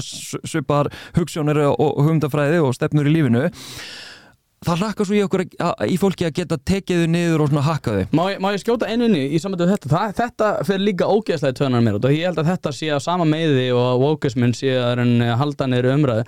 Ég meina það að fólk horfa þannig að þú er ekki geta mistið þig og, það, og, sko, og þegar þú ert að tjá þig um einhvers konar pælingar eitthvað þess áttar að þú er að hafa allt upp á tíu og svo verður það nýtt til þess að sko vísa til þess hvað sem ert að segja núna. Ef þetta er ekki gaurið sem að sagði þetta. Þetta fer óstjórlega í töðanum því. Ég meina við þurfum að geta gert mistök. Við þurfum, ég meina þess vegna að segja eins og segi, ég tek bara 5 minútur, svo hendi ég svo það er fullt af fólki að drulliða mig, mér er bara alveg sama. Ég hef ekkert að gera við, ég, hef, ég, var með, ég las eitt pistilinn og ég meina, já, ég er nú eiginlega ekki samt á þessari skoðan lengur en samt svona skemmi. Já, en, ég meina, áhrifin, áhrifin áhrifin sem að hvað það- samt Einmitt, Ég þú skil segir, ekki- þetta hefur engin áhrif á mig Nei, en margt sem að, þú veist, að ég fullir bara að Mhm. hérna, ef ég segja bara allir feministar sem að hafa tekið þátt í einhverjum aktivisma eða, eða ofnbjör umræðu eru sennilega einhvern veginn brendir af því Já. vegna útreðarinnar sem að þau hafa fengið skilur Ég meina þess vegna Og- skilur eins og, eins og tjáltala umræðan. Já. Hún fer mjög mikið í töðunar á mér út af því að ég meina, ok Þú veist, ég gaggrinni það að hún sé endilega að vinna hjá Reykjavíkuborg við þetta, að gera þetta út af því að þessu. En ég myndi ekki vilja að það væri notað gegn henni eitthvað sem hún notaði fyrir tíu árum eða sagði eitthvað fyrir tíu árum, eitthvað fleiri þess Já, en byrju með tjaldhælin mm. það er alltaf að segja að hún hefur sagt þetta. Já, hún sagði þetta ekki hún fekk skilaboð mm. um þetta og hún spyr inn í spjalli, þetta er meirist að þannig að hún let þessi orð aldrei út úr sér Nú. það var ekki hún og hún hefur margóft reynd ja, ok, reyndar hefur hún ekki margóft reynd að leira þetta en hún leira þetta allavega einu sinni veit ég ofnbeglega En, en byrju, hún var hérna í hlaðvarpi á því Já, sem ég hlusta á já. þá fannst mér hún hljóma eins og hún hafi sagt þetta og hún hafi gett mistök Er Já, það ekki hún, rétt? hún gerði mistök með því að taka þessari umræðu svona létt inn í þessu spjalli Mm. að ekki taka þessum skilabóðum með svona hæðni og léttúð vegna þess að þetta var síðan alltaf hermt upp á hana og ég bara ég sé það, ef hún tjáði sig eitthvað þá kemur þetta inn Ég, meina, ég hef gert það sjálfur, ég, meina, ég hef notað þetta sjálfur og ég er svona núna eftir á speki þá hugsa ég, næ, þú veist ég, og sko, ef að fólk myndi grafa í fortíðina mína með það sem ég hef sagt þá er því örgulega hengtur á Arnahóli en ég meina, og það er ekkert mál og þú veist, og það er örgulega sama með þig með, þegar þú varst fótballtastrákurinn í svona varhugaverðin félagskap og fleiri þess að þá varst þú örgulega að segja alls konar hluti sem að kannski myndi ekki já. vilja litaðsljós en Jú, ég er enda að nota það í dag til að sína hversu mikill fucking fáið ég var Ok, já, þú það. veist, og, og, Já, það. og hvar, hvar mitt lífsviðþór var og allt þetta en ég ætla að reyna að fara inn í pistil hérna, og sko, og einmitt lýsandi um það sko þú setur þetta út á fimm minútum og spáir ekki dýða þetta hefur ekkert áhrif á þig og þér er alveg saman þó Mhm. Fólk sé eitthvað ósamála en sko, en, en, en áhrifin af þeim orðum og því Mm. sem að þú ert að næra sérstaklega ef að þú ert komið eitthvað vægi í samfélagsumræðinni Mhm. ég meina þú ert að klukka svo mikið af, af í rauninni valdafólki Mm. að það má áætla að þú sért komið með ákveði vægi Mhm. þú veist og þegar þú setur út pistla ítrekka á vísi að þú sért komið með vægi í samfélagsumræðinni Mhm. ok, þessi pistill heitir hvað gerði Sölvi Tryggva Já, hann er, já uh, fyrir skömmu, og ég ætla að kvota þig fyrir skömmu kom út grein sem hétt uh, sem héldi fram að Sölvi Tryggvason sem var ásakar um að hafa beitt vændiskonu ofbeldi hafi verið sakar um glæp sem annar maður framdi. Þetta segir mannlíf hafa verið staðfest af lauruglunni. Miða við samfélagslega spennustið sem fylgdi ásökununum fyrir rúmi ári er vægsagt áhugavert að fylgjast með látlösu viðblöðunum sem fylgja þessum fréttum. Svo heldur ég klippi annar staðar, undirritaður veit ekki hvort Sölvi Tryggvason hafi gæst segur um glæp eða ekki, en það breyti því ekki að ef að satt reynist að Sölvi hafi verið sviftur lífs viðurværinu fyrir glæp sem annar maður framdi er verðt fyrir marga að efast dálítið um eigið ágæti og horfa inn á við. Spurningin hér sko, ef þú Mhm. veist ekkert mm. en velur að skrifa þennan pistil, Mm -hmm. Ertu þá einhverju skári en þau sem þú telur að hafi vaðið fram með ósannandi eða án nærar viðneskju? Já, hverju? út af því að ég meina ef að fólk fórum með ránkværslur um það sem hann gerði og ég meina, veist þú hvað hann gerði? Hvað gerði Sóli Tryggva? Ég er að spyrja þig Nei, ég er að spyrja þig núna, skilur þú, hvað, hvað Nei, heldur þú að hann hefur gert? Ég er að spyrja þig Nei, að því að ég- þú að- veist ekkert. Nei, sko, málið það, ég veit ekkert en ég er að nota gögn uh, lögreglu til þess að færa rauk fyrir því að hann hafi verið beittur ég minna þú veist, mannst alveg eftir þessu þetta, var, þetta, þetta sprengdi samfélagi, simmi vil grátandi í kameruna og svo var að honum þegar það ákærðu og fleira þess að þar og hann fær þannig að lögmannin hvað heit hún, Hafdís manni hvað hann heitir, en hérna skilur og hún segir sér frá málunum strax og hann ákærður og hún svona ég, ég svona ég þekki einhverja lögfræðinga, ég held að það hafi verið erfitt fyrir hana í strax í kjölfarið atvinnulega sé. En síðan kemur upp á yfirborðið að það var einhver annar maður sem að framdi glæpin og ég veit ekki hvort þú hafi lesið hérna réttarhöldin eftir Kafka en þar í rauninni ertu komið með svona dystopíska veröld þar sem að í rauninni þú veist ekki hvaða glæp þú framtir en það er mikilvægt að þú hægir þér eins og það séu sé grundvöllur fyrir ásökununum og þetta er svona dystopísk í rauninni skálds, skáldsaga sem er mjög áhugaverð sem það varpar svona ákveðinu ljósi við það hvað er að gerast í dag. Og það því að, menna, Sölvi Tryggva fyrir hana gráðandi inn í podcast og svo allir segja bara, heyrðu, hann laugði út af því hann var ákærður. Síðan kemur lögreglan og segir, heyrðu, það var ekkert hérna. Og það heyrist ekki múk í neinum sem að var að sko útúðunum fyrir það að vera ofbeldismæður og nöðgar og ég veit ekki hvað og hvað það getur vel verið að Sölvi Tryggva hafi hagað sér eins og fíbl í fortíðinni. En þetta mál, þetta tiltekna mál er ekki til þess fallið að vera raukstuðningur fyrir því að fólk geti rauninni svo við notum slettuna sem er svo oft notu og ég veit að þú elskar tekin af lífi. Og, og það er þetta sem að mér finnst vera og, gæti- og, va- og ekki bara aðtöfavert menn það gerir þetta vera varhugavert ég meina, hversu langt ætlum við að taka þessa þróun? Ætl, út af því að þú við, þú, þú hefur sagt það sjálfur, ég hef ákveðið að trúa konum. Og mér finnst það skrítin afstæða út af því að mér, mér finnst bara eh, þegar þú ert að segja bara að ég trúi óháð öllum breytum að þá ertu á hvað er að segja, hálli braut Uh, og það, þetta sem ég er að reyna aðtöð ég meina, heldur þú að fannst þér það rétt að Sölvi Tryggva að hann hafi mist lífsviðværi ég meina ef einhver hefði ásakað þig um eitthvað og karlmennskan myndi bara falla niður og svo myndi lauruglan koma og segja herri, já, Þorstein framdi ekki glæpin það var einhver annar sem framdann myndi þér ekki finnast eðlilegt að það væri einhvers konar hvað ég var að segja, svona svo ég fá að sletta svona reconciliation, svona einhvers konar uh, endur mat á þeirri stöðu. Hérna, ég ætla að staldra hérna við pistilinn sjálfan og í rauninni sjónarhóttnin sem þú berð á borð og, Ég er náttúrulega að færa og, út af lauruglu rannsóknunni og fullirðingarna sem þú setur fram. Mm. Byrjum bara, spólum bara aðeins tilbaka Mm uh, Þannig er þetta að vísa til uh, fréttar mannlífs Mhm. uh, sem að væntanlega hefur fengið einhverja hérna, Lauruglugögg einhverja hérna, að segja orðsendingu eða, eða tilkynningu eða, eða eitthvað Ekki Eh, eitthvað, þetta var lauruglugögg Ok, uh, til að byrja með, ég man alveg eftir, ég heyrði það sem að kallast kannski slúðusögur, ég heyrði það, heyrði, það er hérna frægum maður sem að sakaður um að hafa hérna, beitt vændiskonu ofbeldi og svo Mhm. heyrðist nafni hans og eitthvað svona. -hmm. Síðan bara þegar, það- þú veist, síðan bara heldur umræðan áfram og, og það eru tvær konur sem stíga fram, Mm hvoru þeirra er vændiskona -hmm. og það er tilkynna í gegnum lögfræðingi sinna, það er að kæra Sölva Tryggvason Mhm. fyrir, já, ofbeldi eða líkamsárás eða kynfyrirsofbeldi. Með öðrum orðum, þetta snýrist aldrei um vændiskonur. Þetta snýrist, þetta snýri aldrei að vændiskaupunum eða vændiskonu, ofbeldi gegn vændiskonu. Það voru tvær konur í gegnum lögfræðing sem að kærðan, það sem að ég er að velta fyrir mér hérna, gæti verið Mm. að þarna sé búið að stjórna orðræðinni Mm. mögulega með því að einhver hafi sendt út eitthvað og sagt hei, þetta var nú ekki svona. Með öðrum orðum í rauninni fella stráman á meðan að byrju, en, en hvað með þessar tvær konur sem að kærðan fyrir kynfyrirsopildi og það, og það er þannig aftur áhrifin. Þú setur þetta kannski fram út á fimm minútum en ef En ef að það eru tvær konur sem eru sannlega þólendur þessa manns, hvaða áhrif heldur þú að þessi orðræða sem að talar inn í meginströmmin, sem talar inn í það, akkurat, þessir helvitis feministar, þeir hafa gengið og langt, þeir hafa tekið þannig af lífi, uh, að ósegju, ef að þessar tvær konur sem er ekki vændiskonur og kom mjög skýrt fram í fjölmjölum, eru þarna sannlega þólendur, óbyldis, hvaða áhrif heldur þetta að hafa á þær? Mhm. Þetta er mjög góð spurning. Uh, hérna, og bara góð aðtöfun í sjálfur sér uh, sko, og ég myndi svara þessu þannig að uh, ég set sko, ég er aðtögull með það hvernig ég set hluti fram.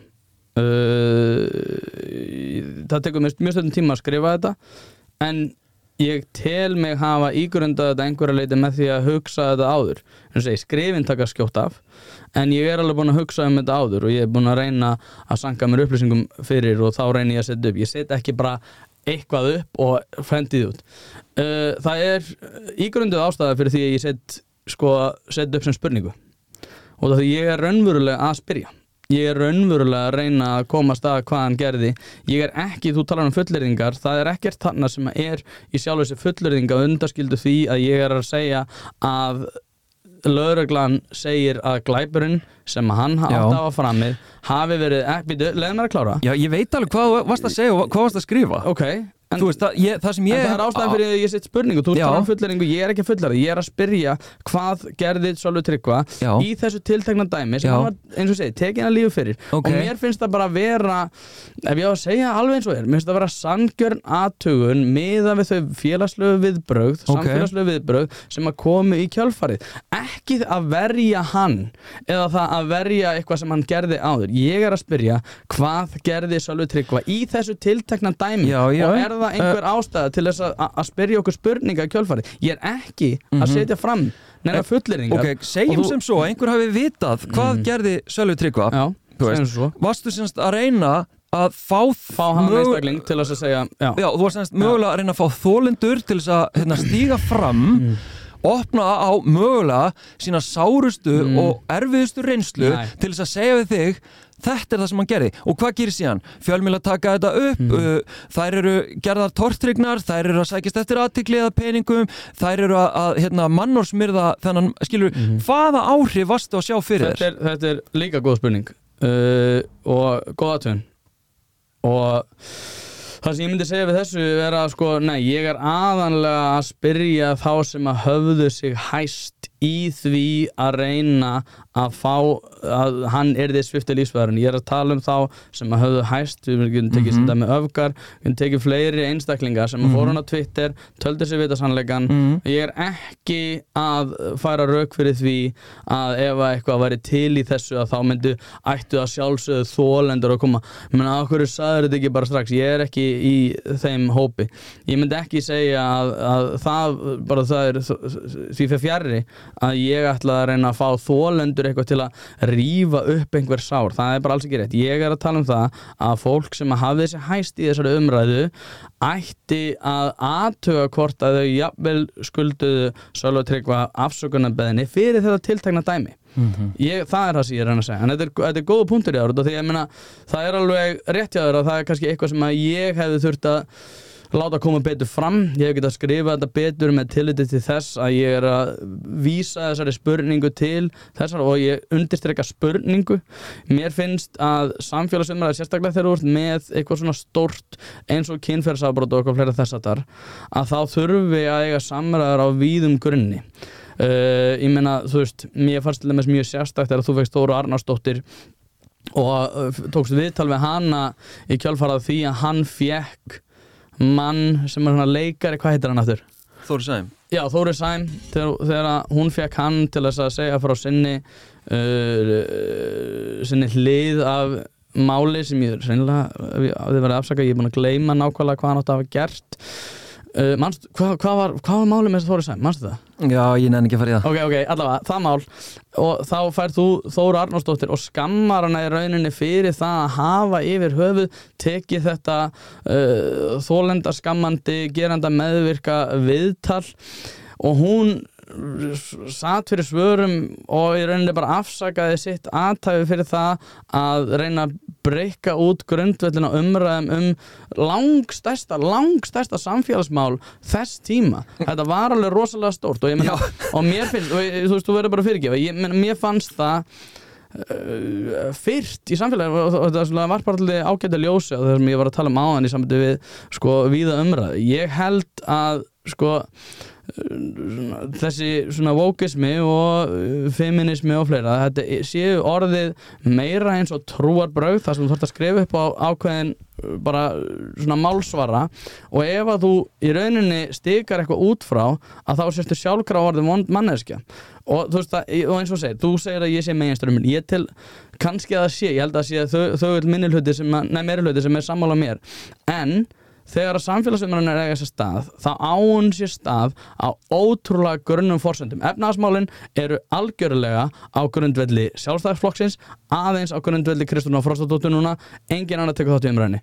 Vóku umræðin er bara vinstri menn og engin annar fær, þetta er, ég, ég, þú verður bara Já, og ég, mér finnst þetta bara vera þróun sem er ekki til þess fallin að við betrum bætum og náum framförum. Mér finnst þú svona full mikið vera að fletja út þetta með vókismann Ok. okay. að, og talar um að ég hafi verið að skamma hvað, konu sem að er riðstjóri eins virtasta rannsóknar bladamanna þáttar, já var það að ég einhvern lítill kall út í bæ með eitthvað lítið podcast ég að skamma hann og það hafi eitthvað brjála væg umræðinu er ekki lægi, aðeins ok. að, að ég hafi verið að skamma hana Mhm. kannski tókst mér að gaggrina vinnubröðin og um Mm. það snýrist þátturinn að fá hana til þess að færa rauk fyrir vinnubröðunum sínum Mm. vegna þess að það var augljóst að þarna var ekki um vöndu vinnubröðaræða og það líka kemur í ljós og hún segir og viðkennir við hefðum átt vanda okkur betur jú það hefur ekkert með fucking vókism að gera come on, þetta er bara, þetta er bara vöndu vinnubröð, þarna Mhm. vandaði bara algjörlega, það var bara fullkominn skortur á í rauninu meðvitund um í rauninu umfang og, og hversu flókin þessi, þessi viðfangs, viðfangsefni eru Mhm. þetta voru bara ekki vöndu vinnubröð og hún var fengið til að svara fyrir það að ég hef verið að skamma hana í, í, hérna, í skugga einhverja, einhverjum vókisma þú veist, í alvörinni, Hva, þetta er bara, bara ósangjant sko. Ok, Þa, það má vera. Ekkert meir en það. Nei, ég meina, þú veist, uh, ég, uh, ég hef sagt mínar aðtöðan, ég meina, þetta er það sem ég til og ég meina, þú veist, það uh, kannski er rétt hjá þér að þetta var eitthvað sem að hún átti fyllilega skilið og kannski er, erum við það gerenda meðverku samfélagi sem að hygglir sérsættar normatífum og föllum hvítum kallmennum og þar að leiðandi áttu að sjálfsögðu að þólenda væna umhverfið. Og ég meina það getur vel verið en ég bara tel að svo sé ekki að staðan sé ekki þannig að þetta hafi verið réttlætanlegt viðmót til þáttarins út af því að ég meina En þá bara skortir þig sama næmi og hana kannski? Kannski Gæti það verið? Það geti vel verið. Ég meina, ég eins og segi, ég, ég tel mitt eigið ágæti ekkert vera eitthvað umfram annara. Ég meina, ég, eins og segi, ég berst fyrir réttundum í frelsmálum og ég berst fyrir réttundum allara til þess að geta tjáð sínar skoðanir. Mér finnst það ótrúlega mikilvægt, mér finnst það skorta og ég í rauninni segi bara það sem mér finnst þegar mér finnst það. En, en finnst þér aldrei að eins og til dæmis bara vísum aftur í pistilinn hérna um Söla Tryggva og, og hérna og ég nefndi svo mikið að lesa alla og taka út einhverja klausu til þess að ræða það sko. En, en hérna en er einmitt þarna hefur þú ákveðna skoðun á grunni já tjáningafrelsis og líðræðis uh, finnst þér raunverulega þannig að þetta snúist bara um það að meiga hafa skoðun að á bakvið til dæmis þennan pistil þinn um Mhm. þennan mann þarna mögulega þú hafir þessa skoðun og þú lætur hana svona í ljós. Að ég sé að hyggla þessari skoðan, er að tala um það? Nei, að þú sért mögulega ekki bara með einhverja skoðun heldur sért í rauninni farin að skerða lífsgæð og frelsi einhver annara Það, það er með mjög miður ef að það er inn. Uh, Ég horf ekki á það þannig og ef að það er þannig þá, minna, þá getur fólk sagt það en mér finnst aftur á móti sko, þegar við erum að tala um samfélagsumræðu sérstaklega á svona breiðum grundvelli að þá hafi fólk ekki rétt á því að segja að skoðun annara sé að skerða uh, lífsfrelsi. Uh, Lífsgæði og frelsi. lífsgæði og, líf, já, og frelsi fyrir, fyrir ekki mér finnst það ekki vera uh, mér finnst það ekki vera til þess fallið að ná árangur út af því. Ég meina Þetta er ákveðið tól og þú veist, þú hefur séð þetta í alls konar umræði, ég meina hægri menn notuð þetta mjög mikið í kringum, hvað segja, 1970 til svona 2000 að segja að allt, ég meina, þú veist, spöggstofan var til dæmis uh, þurfti að þóla þetta, þar sem að sko, það var svo móðgandi umræði, þú máttu að sjálfsög sjálfsög hefur tjáningafrel, sjálfsög máttu segja það sem þið vilt.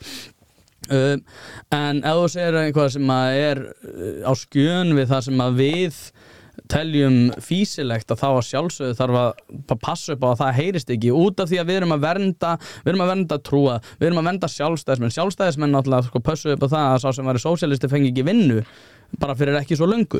Og það er Já. þetta sem að mér finnst út af því að það er alltaf hægt. Og ég meina, og aðtöðu það þóstein það er alltaf til fólk sem að mun vera að segja ég er að vernda það mikilvæg gildi eða mikilvægan hóp eða mikilvæg hugmyndafræði að svona hugssjónir eða svona pælingar og svona skoðanir eru bara hættulegar. Þær eru að skerða lífsgæði fólks, þær eru að skerða réttindi þær eru að skerða og, og, og, og svona þetta skekku í samfélagsumræðinu sem er til þess fallin að leiða til einhver hræðilega atbyrða ég held að það muni aldrei verða skortur á slíku fólki og þar, þar að leiðandi til ég bara að ég sé, ætla ekki að segja gera rétt en ég er hins vegar á, þú veist, það er mín forsenda, ég tel að það sé gott að við séum að eiga samræðar á breiðum grunni, ég myndi aldrei og ég meina, til dæmis ef að það að meginstörnums umræðan eins og þú lýsir henni myndi koma til með að hafa slík áhrif að þú veist, þín rödd er þið skert með einum eða öðrum hætti að þá myndi ég hlaupa þér til varnar. Ég myndi koma þér til varnar og vorum að ræða máðan þannig að transfólk það er uh, svona blikur á lofti. Það er alls konar uh, svona stemning myndi ég segja sem er svona uh, þú veist, ég myndi ekki segja þetta sé bakslag. Bakslag er svona orðatiltæki sem fer svolítið í fyrir brjóstaða mér. En, en ég held að sko með við þá þróun sem við erum að sjá mm. að þá mun ég örgulega þurfa að berjast fyrir sko þeirra tjáningafrelsi alveg eins og ég berst fyrir þeirra tjáningafrelsi sem eru á annari skoðun en þau. Og það, þaðan er ég að koma skilur og þú, Já. þú getur sagt að, að þetta þessum pislani mínir að varpi ljósi á einhvers konar skoðanir og okkur fleira því getur vel verið að gera það hlutu til. En það þýðir ekki að ég myndi nokkuð tíman fara að skerða tjáningafélagsi annara til þess að vera sko skoðun sem er algjörlega öndverið með því ég vil segja að þau bara hati mín afstöðu. Það er í lægi það er í lægi að segja það. En ég myndi aldrei fara að segja að ég myndi ekki berjast fyrir réttindum annar til að segja eitthvað með vísan til einhvers konar hugmyndafræði minnar um umbyrðalind Nei, ég meina, ég trúi þér alveg að þú sért ekki að reyna það, sko. Takk. Já, veist, ég trúi að þú sért ekki að reyna með það eða útiloka eða, Mhm. eða jarsetja en frekar eða, eða einmitt eins og tölum um pistilin á hana að hérna, pressa einhvern veginn á þólendur Mm. ég trúi því að það sé ekki meðvituð ákvörðun Mm. meðvituð ákvörðun Já. en hins vegar gruna mig að mögulega takir ekki alveg nógu mikið til til hversu mikið af forréttindum þú hefur sjálfur Mhm. í okkar samfélagi og í rauninni áhrifin áhrifin af því sem að þú lætur út úr þér mögulega í einhver ákveðna ábyrðaleysi eða tillitsleysi gagvart tilteknum hópum alveg eins og til dæmis ég leifi mér ekki uh, að segja suma hluti vegna þess að ég hugsa Býtu, hvað ári gæti það haft ef að ég segi þetta? Og ég ætla að taka dæmi. Um, ef að ég myndi koma fram og segja já, ég, hérna, ég er nú alveg, þú veist, eins og týðkast mjög mikið með, ef að segja, róttakar konur og svona feminskar konur eins og fólk segir mjög oft, já, ég er nú alveg sammála mörgu hérna, en, en ég er nú ekki sammála öllu. Mhm. Þú veist, bara þetta bara þetta í rauninni e, býr til kjöraðstæður til þess að næra í rauninni þá fyrirlitningu og ansbyrnu sem að er nú þegar gagvart þessum tilteknum konum. Og það sem að ég geri með mitt plattform og mína stöðu og mitt svona vægi í samfélagsumræðinni þá í rauninni er ég að taka þátt í og diffka þessa hólu sem er verið að reyna að grafa hérna fyrir þessar konur. Skilur hvað er að fara með Já, ég þessu? skil hvað, þú voru að eiga það við sjálfa Ég meina, ég tel að það, ég tel að ég skeri það ekki. Ég meina, ég tel að þínar skilur hugmyndir um kynjafræðinar séu að grafa undan háskólasamfélaginu sem stopnun en ég myndi ekki segja að ég fyrir að banna þeim að tjá sig. Ég meina, það er alls konar þorstein Ég tel að, til dæmis eins og í bandaríkjunum að þá erum við að sjá vókiðnaðin í rauninni grafa undan ímsum uh, já, háskólagreinum. Uh, og ég hef ekkert farið í grákvæði með það, ég meina ég tel að það sem að er að eiga sér stað í háskólasamfélaginu sé mjög varhugavert, ég ég tala við fólk víðsvegar í háskólasamfélaginu, ég bjóð í bandaríkjunum og ég að fengi þetta hérna heima að háskólaprófessora séu jafnvel að passa sig að vera ekki að tjá ákveðna skoðanir eða jafnvel að sko kenna ákveðnar uh, hugmyndir sem eru ekki þeirra en verður sjálfkrafa skoðun ef að einhver uh, háskólanemi verði nóg móðgæður yfir þeim Ég skil ekkert hvað það segja. Nei, ok. Þá hérna þá verð ég bara að leggja hérna uh, leggja tröst mitt á hlustundar Nei, nei, segðu mig bara hvað að meina? Ég er, ég er að meina það að þegar að háskólakennar, ég meina, hefur lesið hérna Greg Lukianoff og Nei. nei, ok, og Jonathan Haidt þeir skrifuðu bók sem heitir Calling of the American Mind, þar sem þeir eru að fjalla um það að annar þeirra er ég held sé ekki að fara með fleipur þegar ég segja hans heimsbyggi prófessor í NYU hann Jonathan Haidt. Uh, ég hitt hann einu sinni uh, og þar sko rauninni segir hann í þessari bók Calling of the American Mind að ungi krakkar séu komið það mörg í, mikil ítök inn í háskólasamfélagið út af því að og núna eru frjálsökjuvinni mínir að fara að brjálast það eru rauninni háskólinn sé rekin á mjög kapitalskum grunni. Uh, krakkarnir fá mjög slæma mentun út af því að ef að kennarin fer ekki eftir uh, þeirra leiðarstefi bæði með einhverna gjöf og með hugmyndafræði að þá er rauninni fær hann kvartanir honum er vikið úr starfi, það kemur annar inn sem spilar á það, þá tónlist ef við fáum að nota myndlíkingu sem að uh, krokkunum líkar. Og þetta er ógeðislega vond uh, þróun. Fyrirhundi kærasta mín vann í admissions í Harvard og þar í rauninni þú veist, við rættum þetta mjög oft ég ætla ekki að fara að henda henni til vagnin hérna en það er mjög varhugaverð aðför að tjáningafrelsi sérstaklega háskólaprófessora með vísan til þess hvað krakkanir vilja. Þú sér það umkvartanir og svona, þegar þú ert í háskólanum þá eru sér svona meðanar hérna mat kennara, þetta er bara vittlisa þetta er algjöru vittlisa sjálfstöðu eiga kennarar að vera uh, bor, uh, já, bornir einhvers konar ábyrð þegar að svo lyktir en að þegar við erum farin að dæma kennara eftir árangri og ánægju nefnda að þá er það mjög slæmt. Ég menna ef við að tökum fjármála verkfræði eitthvað mjög flókið viðfangsefni Menna, það er erfitt og það er mikið fall og kennarin þarf að geta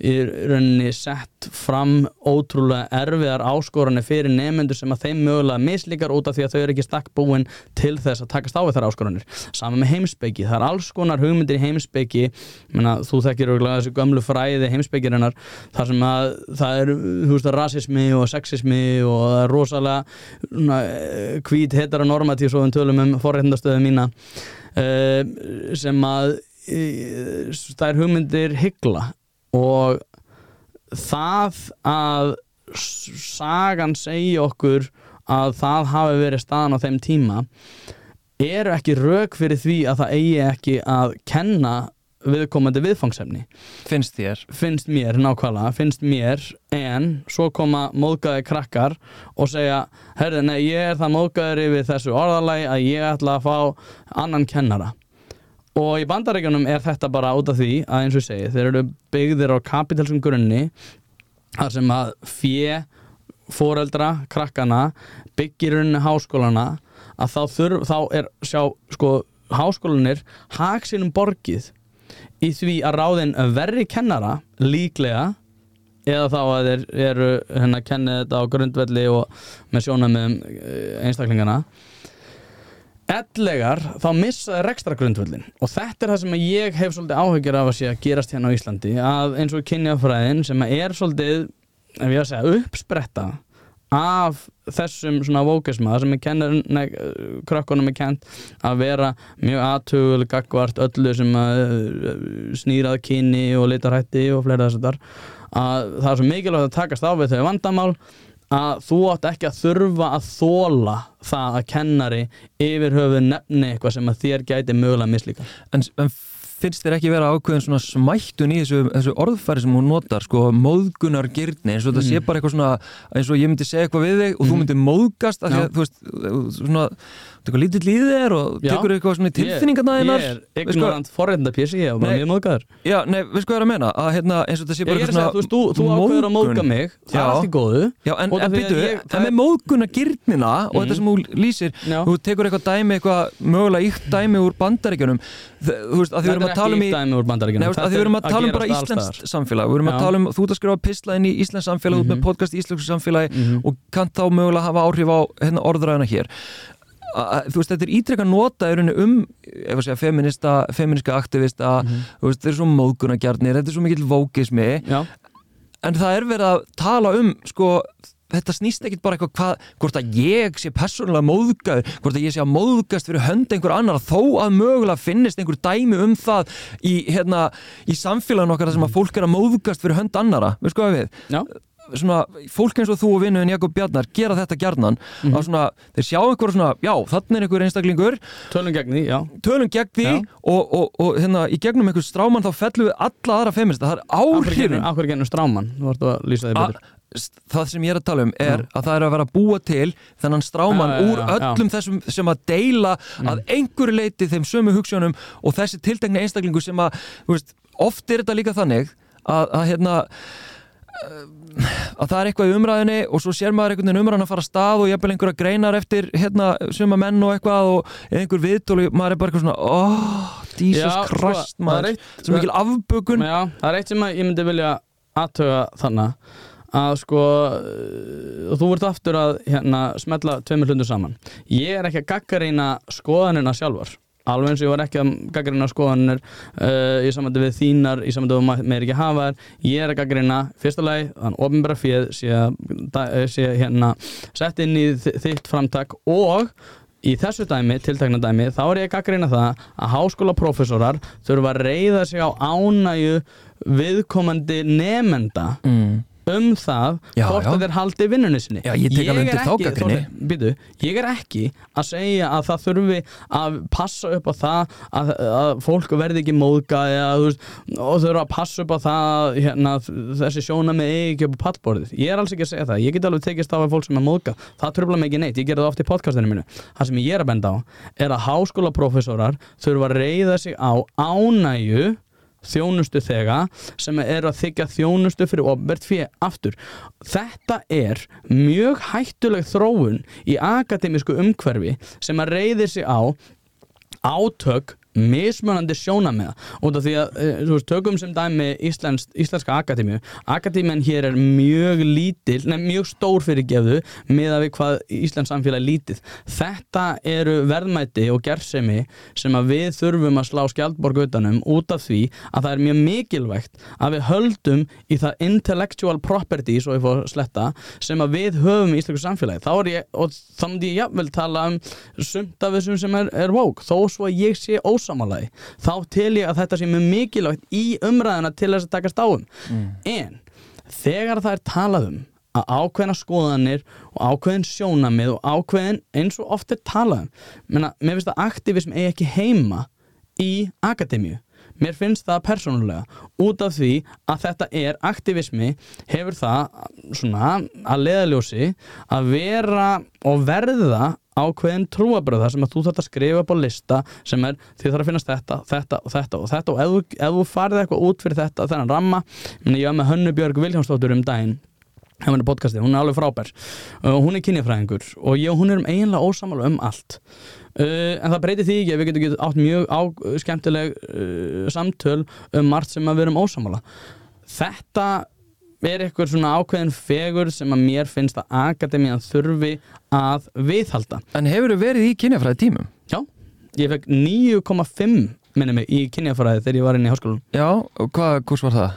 Það var á Gíðu Margreti Pétursdóttur þar sem að einmitt, ég og hún spjöllum meðlega í öllum pásum út af því að hún vissi að ég var mjög ósamála og er mjög ósamála en ég meina Gíða Margreti Pétursdóttur, ég meina ég hef uh, lesið Þorgeri, Þorgeriði Einarsdóttur, ég hef lesið Kristínu Lofsdóttur, ég hef lesið uh, Löfi Axelsdóttur og ég hef lesið alla, þú veist, ég hef lesið uh, Tekner, Oyner uh, uh, Judith Butler. Ég hef lesið þetta allt. Já, en ég, ég er bara ósamála sem að er og ætti að vera í lægi en þetta er það sem að er að tapast í nútíma samfélagi. Og mér finnst svolítið sko þú talar eins og þetta sé bara einhver svona minni hluti sem að eigendur högg að sækja út af því að það er meginströmmurinn liggur allur í nýfrjálsíkunni og hvít heteronormatífu samfélagi sem að hygglir uh, ofangreindum hópi. Mm. ég tel bara að það sé séu blikur á lofti innan akademíunar sem að munu leiða til verra samfélags heldur en ella út af því ég, eins og segi, og, ég, og svo ég kannski segja það líka út af því ég hef sagt það þar ég er ekki eitthvað hrættur að hérna að vógliði komi hérna og tröllir í þið öllu og eitthvað fleira þar þar ég, af því að staða þín er bara nógu góð Þú já, hefur já, eitthvað að tapa já, sko, og svo við tölum um það, þann hóp, ég hef ágjörð því og þú eru sammælis mér þar bakslægið sem að verður ef við höldum áfram að halda niður í skoðunum ákveðna hópa uh, verði miklu verra heldur en mókismin og það Sko, er það sem já. að ég hræði þú veist, og þá erum við að tala um svona öfga hægröfl Sko, það sem að, hérna, ég ætla að koma að hérna að þú fórst að segja mig hvað þú ert vel lesin Já. sem að ég var viss alveg, ég veit alveg að þú að ert kissa bæsefin þegar ég gera Já, þú veist, ég veit það alveg og ég efast ekki um það og þess vegna finnst mér líka áhört að tala við þig af því að þú ert á Mm, sömuleiðis. öndurum meiði Já. en þú ert vel lesin, þú ert ekki hérna ómarktækur hérna, sem að eins og fólk notaði um hérna Þannig ég er ekki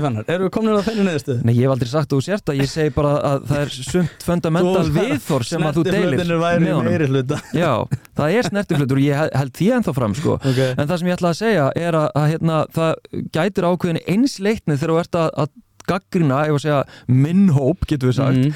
hérna vógliðið uh, bæði í kynjafræðinni og nú hef ég farið í gegnum meistaranum í kynjafræði Já, að þar erum við að takast á við erum alveg ósamal í tímunum vorum mjög oft ósamal og vorum oft, heitar umræður um, um ákveðin sjónamið og en hvernig myndi mínum skoðanum til þess vegna innan kynjafræðinar? Já, bara örgulega alveg eins og hér í þessu samtali, skilur, það er bara, en það náttúrulega erum við öguð í það að beita uh, greinunum sem liggja fyrir hverjum tíma. Má, má ég spyrja eina hennar spurningur? Já, ég veit það ekki alveg. Hérna Ef að ég og þú værum að reyna að sækja um doktorsnám í kynjafræði Mm. Hvor heldur að ætti auðveldara aðgengi að því? Segjum svo að við erum báðir búin með kynjafræði master Já, Og það búið mínar til eitthvað hypothetical Já, dæmi. ég meina, þú veist, ok, þetta er, já, já, þetta er hypothetical en ég Já. meina, þú, veist, þú veist að þú værir líklegri til þess að fá styrk út af doktorsnám það er, Af hverju ættu þú að sækja um doktorsnum með kynjafræði? Pældi hvað að vera ekki ekki að ég myndi svo gera. Já ég menna að þú veist eh, nei ég er auðvitað ekki að fara að gera. Ég er eins og segi ég er að þess klára vegna er þetta bara hverju? spurning. Að þetta er bara eitthvað til þess að sína fram á eitthvað sjónamið á þér.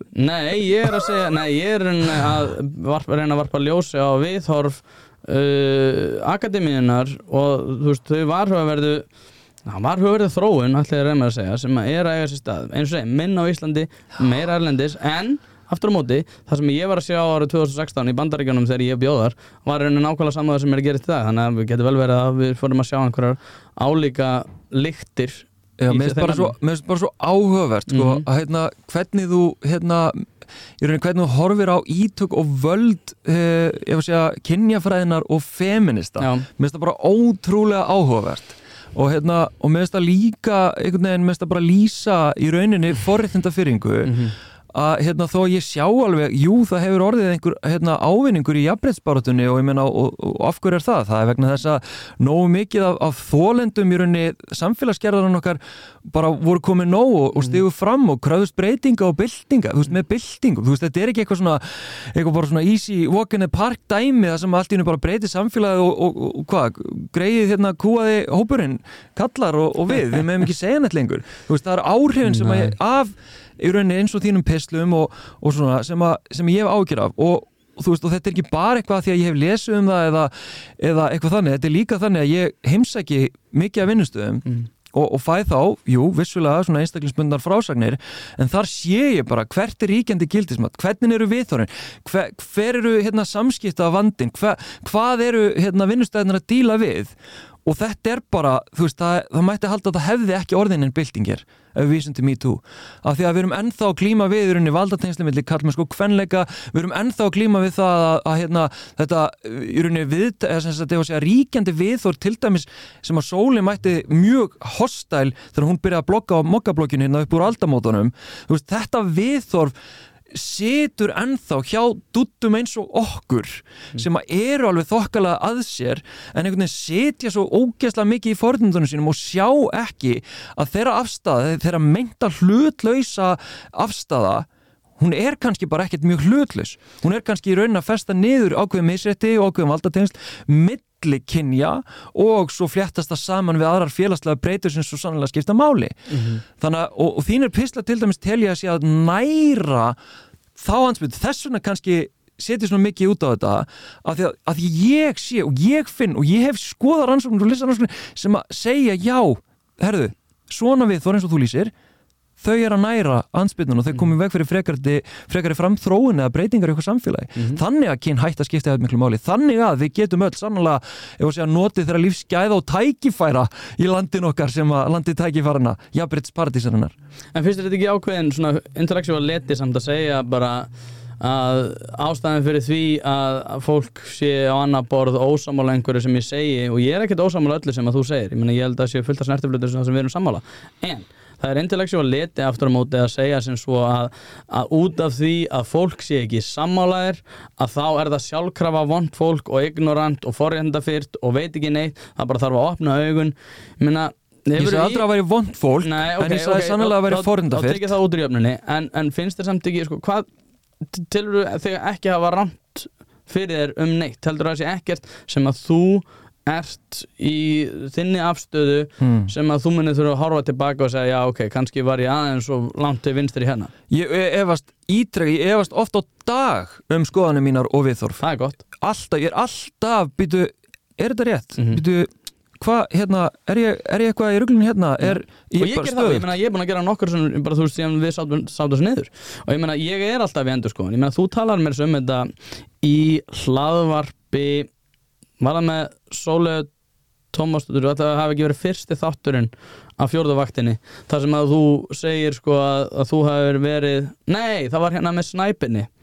Hérna í hans podcasti fyrir einu og hálfa ára eitthvað svo leiðis þar sem að þú segir svona að þú hafir verið í einhverjum svona vinahópi og þú hafir pizzað ákveðnum hugmyndum og það hafi ekki verið fyrir en eftir á sem að þeir svona fóru, já, kannski er þannig Menna, það er í sjálfu sér mjög jákvætt og ég meina kannski er einhver að hlusta núna sem að mun koma út af þessu og hugsa það sem ég er að segja já, kannski er eitthvað þarna og hugsa það sem að þú, þú ert að segja og segja, heyrðu, sem er sammála mér að, að, að uppulagi og mun segja, já, ég meina það er eitthvað þarna Þetta er fegurðin í því að takast á við hugmyndir að mínum mati.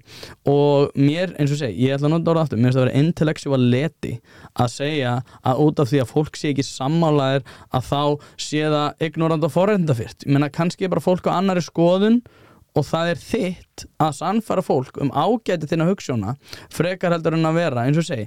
Og þú verður að fyrirgefa skamma fólk fyrir það að vera rángriðskoðun Með því að vera gaggrina það Já, til, að, sko, þetta er ekki gaggrinni Þorstein, þetta er, þetta er bara þú segir að, uh, hva, þú veist, hvað, hvað gerir orðið forréttinda fyrstur ignorant forréttindapessi þú veist, er, er, er, er ég móttækilegri fyrir þín, þinni afstöðu? Er ég líklegri til þess að vilja endur skoða mínar hugsalun um þetta tiltekna dæmi eða annað dæmi sem að þú ber fram að borð? Eða er ég ólíklegri til þess út af því að ég fer í baklás og er minna tilbúin til þess að aðtuga minna eigin hugsanir. Það er þetta svona viðmót sem ég tel að sé ekki til þess fallið að þú fáir annað fólk til þess að sjá þína skoðanir. Það er ekki hægt að fara á Twitter og vera að benda á verstu afstöðuna og segja hérna er annar kvítur karl að segja þetta svona með hæðnist tón. Ég menna, tökum sem dæmi En það er kerfisbundi, það er verið að varpa ljósa kerfi, samt... kerfisbundnar við þóru að hegðun hjá köllum eins og okkur. Hvernig betur um bætur um, um, um hverfi og hérna kerfi? Þú betur um bætur að ég pæli mjög mikið í kerfum kerfum er, er, er betur bætt með því að taka einar einingar út fyrir svega og bæta þér Já, og, að... og hvernig ætlum við að bæta eitthvað ef við sjáum ekki að það er eitthvað að því? Við hljóttum að þurfa að varpa ekki... ljósi á og það er eitthvað að hérna. Er ekki með því að skamma einstaklinga og tala um það hvað þú sért frábæra manneskja. Það er það sem ég er að segja. Það sem að þarf að aðtöða er eitthvað sem að við kerfisbundið tökumst á við með því eins og ég segi að taka einar einingu reyna samfarana, það hefur tvístrandi áhrif, ekki tvístrandi að liðalt það hefur samverkandi? áleik, já, samverkandi áhrif það sem að þú breytir. Og ég meina eins og með dæmið það sem að þú veist, þú og hérna Sólei voruð að ræða um uh, einhverjar svona baráttur, svona samfélagsbaráttur fyrirtækja í mm -hmm. hérna uh, jafnbreytisbaráttunni mm -hmm og voru bara svona einhvern veginn að hæðast að öllu sem að aðri voru að reyna að gera út af því þeir voru ekki að gera nákvæmlega eftir ykkar hætti þetta okkar hætti, ég... nei, vorum að benda á gallana við Já, sumar aðferðir. en, en, en, en hlæjandi á sama tíma. Og það er þetta sem er viðmót sem ég til að sé ekki til þess fallið að betur um þetta umræðin, ég held að þegar fólk er önverulega að reyna mm -hmm. að þá er það veist, að reyna. Og ef að þú ert að, skilur, ef að þau svo heyra ykkur tala saman um þess að manni, þetta var hérna má ekkert lengur og, og hérna kynferðisabróta vinnustöðum og fleira þess að þar um, þá er ólíklegra að viðkomandi sé afsakið þetta þá er ólíklegra að viðkomandi sé að fara að endur skoða og endur með þetta sína afstöðu til þess að reyna að taka þessar róttakabreitingar sem þú ert svo hrifin af. Er, er fólk svona viðkvæmt? Þetta segja það sem það Það er svo viðkvæmt og lítið í sér að það Já. getur ekki tekið hérna, uh, almennilegri gaggrinni En sko það sem þú ert að vísa til núna það er í rauninni aðferðafræðin. Og, og, hérna, og þetta hefur líka, þetta er svona ákveði kjærspundið sem að ég hef lært að er stöðbeitt, það er sagt, hérna, jújú, jú, en ég er nú ekki samanlega þessar aðferð og þetta hefur nota bara í gegnum söguna ítrekka til þess að þakka niður mm. og vinna gegn þeim markmiðum mm. sem að þessar einstaklingar er enn á fram þú veist þannig að ég, ég sé bara, ég heyri bara ansbyttu sko í, í þessu, ég mm. hérna þú vilt þá semst að ég segi við þig, þú vilt ekki að ég adressi hérna, herru, þetta er merkjum er forunafyringu, þú vilt ekki að ég segi það, þú vilt að ég segi, stráka mínir væruðu kannski aðeins til í að skoða þessar hugmyndir hérna, hérna er glimmer pakki Elsku strákar, þið eru svo flottir og góðir strákar. Ég ætla nú ekki að styggja ykkur Ég ætla nú ekki að reyfa við ykkur eða koma ykkur úr tilfinningulega jafnvega því að þið handlaði ekki að því að það hefur grafið undan færni ykkar til þess að gangast við að sjá eða það ekki að tilfinningar ykkur gegnum æfina þannig að ég ætla að segja þetta rosalega krútlega Hversu líklega líklegar, líklegt er að, að breytingar náist með þessum hætti? Já, ég, ég veit það ekki. Ég bara, ég, segi, ég tel að það nást með því að skamma fólk fyrir að gera ránt að reyna að gera rétt. Að gaggrina, bara ég er mín- bara ósamála þessu hugtæki það að skamma. veist að skamma, þetta er svo smættandi Já. og þetta er svo niðurlægandi eins og maður bara sé einhvern veginn að skamma fólk þegar maður er að gaggrina nei, það. nei, nei, nei, þú mátt ekki miskila það að ég haldi að þú hafi verið þitt lífsvara við að vera á því að skamma. Ég veit alveg að, að þú ert sannfærður um þínu hugssjónir og, og ég ber virðingu fyrir því. Ég ber virðingu fyrir því að þú sért að reyna að stinga á kýli sem að þú telur vera verð til þess að stinga þú telur þið vera betur um bæta umhverfi drengja og í feministkri baráttu það er gott og gild endum þarna, Já. ég ætla ekki að setja punktin strax en á kallmennsku Já, til og hérna sko, ég náttúrulega fór eitt um hann í, í hlaðarpið þitt þegar það var svona ný, nýbyrjað Þú varst fyrsti viðmjölandin ég, Aha. ég, hérna, ég hlustaði á smá hérna, út af því að ég vildi ekki veist, ég vildi ekki ég ætla að reyna náttúrulega að fara eitthvað á einhver aðra ég ætla ekki að reyna, ég var að vonast til að við myndum fara á aðra braut Já. en hérna, ég var svo stressaður að ég var að mýga í mig varst Fyrir fyrst- það? Fyrir, Já. þú varst fyrsti viðmælandi minn sko. ég var ekkert það. vanur að tala við fólk og ég meina ég kom ekkert fyrir með orði og Já, ok, en ég man allan að ég, hérna, að því að á þessum tíma þá, hérna, var fólk svona að beða mig um að koma í alls konar podcast og ég svona, já, stekki podcast 30-40 mínútur eitthvað, akkurat, ég held ég að vera í þrjá klukkutíma hjá þér, þeir vorum í tvo já, já, ok, allan, þetta var lengsta podcast sem ég farið í fyrir utan mögulega snæpjöð, hvað eru búin að vera lengi núna? eh, 1.30 Kekja, bara haldið eftir og hérna, og ég var svo svangur og ég var svo mikið að drepa, sko, en allan hérna, þar varstu einhvern veginn að krifja einhverja þætti sem ég var að gera og varstu eitthvað mjög efinsum ferraveldi og gallmennsku og allt þetta. akkurat. Eh, sko bara út frá kannski kallmennsku, ég meina hvernig hérna hvernig horfir á ef að segja jafnbryttið í íslensku samfélagi Hmm, þetta er mjög áhugaverð. Ég held að ja, rétti sé uh, marglaga breyta sem að helst sko uh, framfaralega sé þá hrjáir það helst sko mismunandi og misskipting efnahagslega. Ég held að kyn sé ein breyta sem að hefur áhrif á uh, jafnrétti. Er til þú veist, það er, það er áhugavert orð ef við fyrir að krifja ég meina uh, fatlað fólk hefur til dæmis meiri jafnrétti til þess að öðlast fjármagn hins ofinbera út af því að við teljum það að vera físilegt er svona, þetta er samspil jöfnur og jafnréttar. En ég veit hvað þú meina þegar þú segir jafnrétti. Uh, ég held að sé mikill munur á fólki, til dæmis heimilisauðsum fólki og uh, þeirrum sem eru mjög ríkir. Uh, ég held að sé breyta sem að er ekki oft aðtuguð með því ljósi heldur festumst við í einhverjum svona persóna einkjönum eins og kyni og kynþættu og fleira þess að þar Uh, menna, ég veit ekki hvort það sást þáttinn hérna á Kompás um heimilsleisa fólki það sem er talað að það séu 200 ungi kallmenn og 100 unga konur sem eru uh, á vergangi. Uh, ég held að sko og svo kannski ég gerir það aðeins meira spæsi fyrir okkur, ég held að kyn hafi miklu minni áhrif heldur en að þú telur. Ég held að kyn sé ein breyta sem hefur einhver áhrif. Ég tel að, þú veist, margt að því sem að þú talar um við viðþorf karla til kvenna og viðþorf samfélags til kvenna sé alveg eitthvað sem er verðt að aðtuga en hún aftur á móti þverrar gífurlega þegar að þú ert komin með breytur eins og efnaðastöðu Já, en heldur ég sé eitthvað ósam á því? Nei, nei, nei, ég, ég veit úr sammálaði sko, en ég, ég held að sko, eðlismunurinn er svo sami, stegsmunurinn ekki svo sami ég held að kyn sé ekki stór breyta í þessum efnum Hvernig farið það út? Nei, bara uh, til að, hvernig til, þú eru eiginlega, uh, því ég er að segja að það hafi ekki áhrif hvernig telur þú að kyn hafi áhrif? Nei, Ég er að stýra þessum þætti og ég er að beða þig um að svara Þú veist, þú ert að segja að ég er að lýsa óbreytileikanum Já, ef, hvernig hefur kyn ekki áhrif? Hvernig er það ekki fundamental breyta í, í, í samfélagi sem er ótrúlega bænari alltaf að tala um kalla og konur og eru einhvers konar eðli þeirra? mm.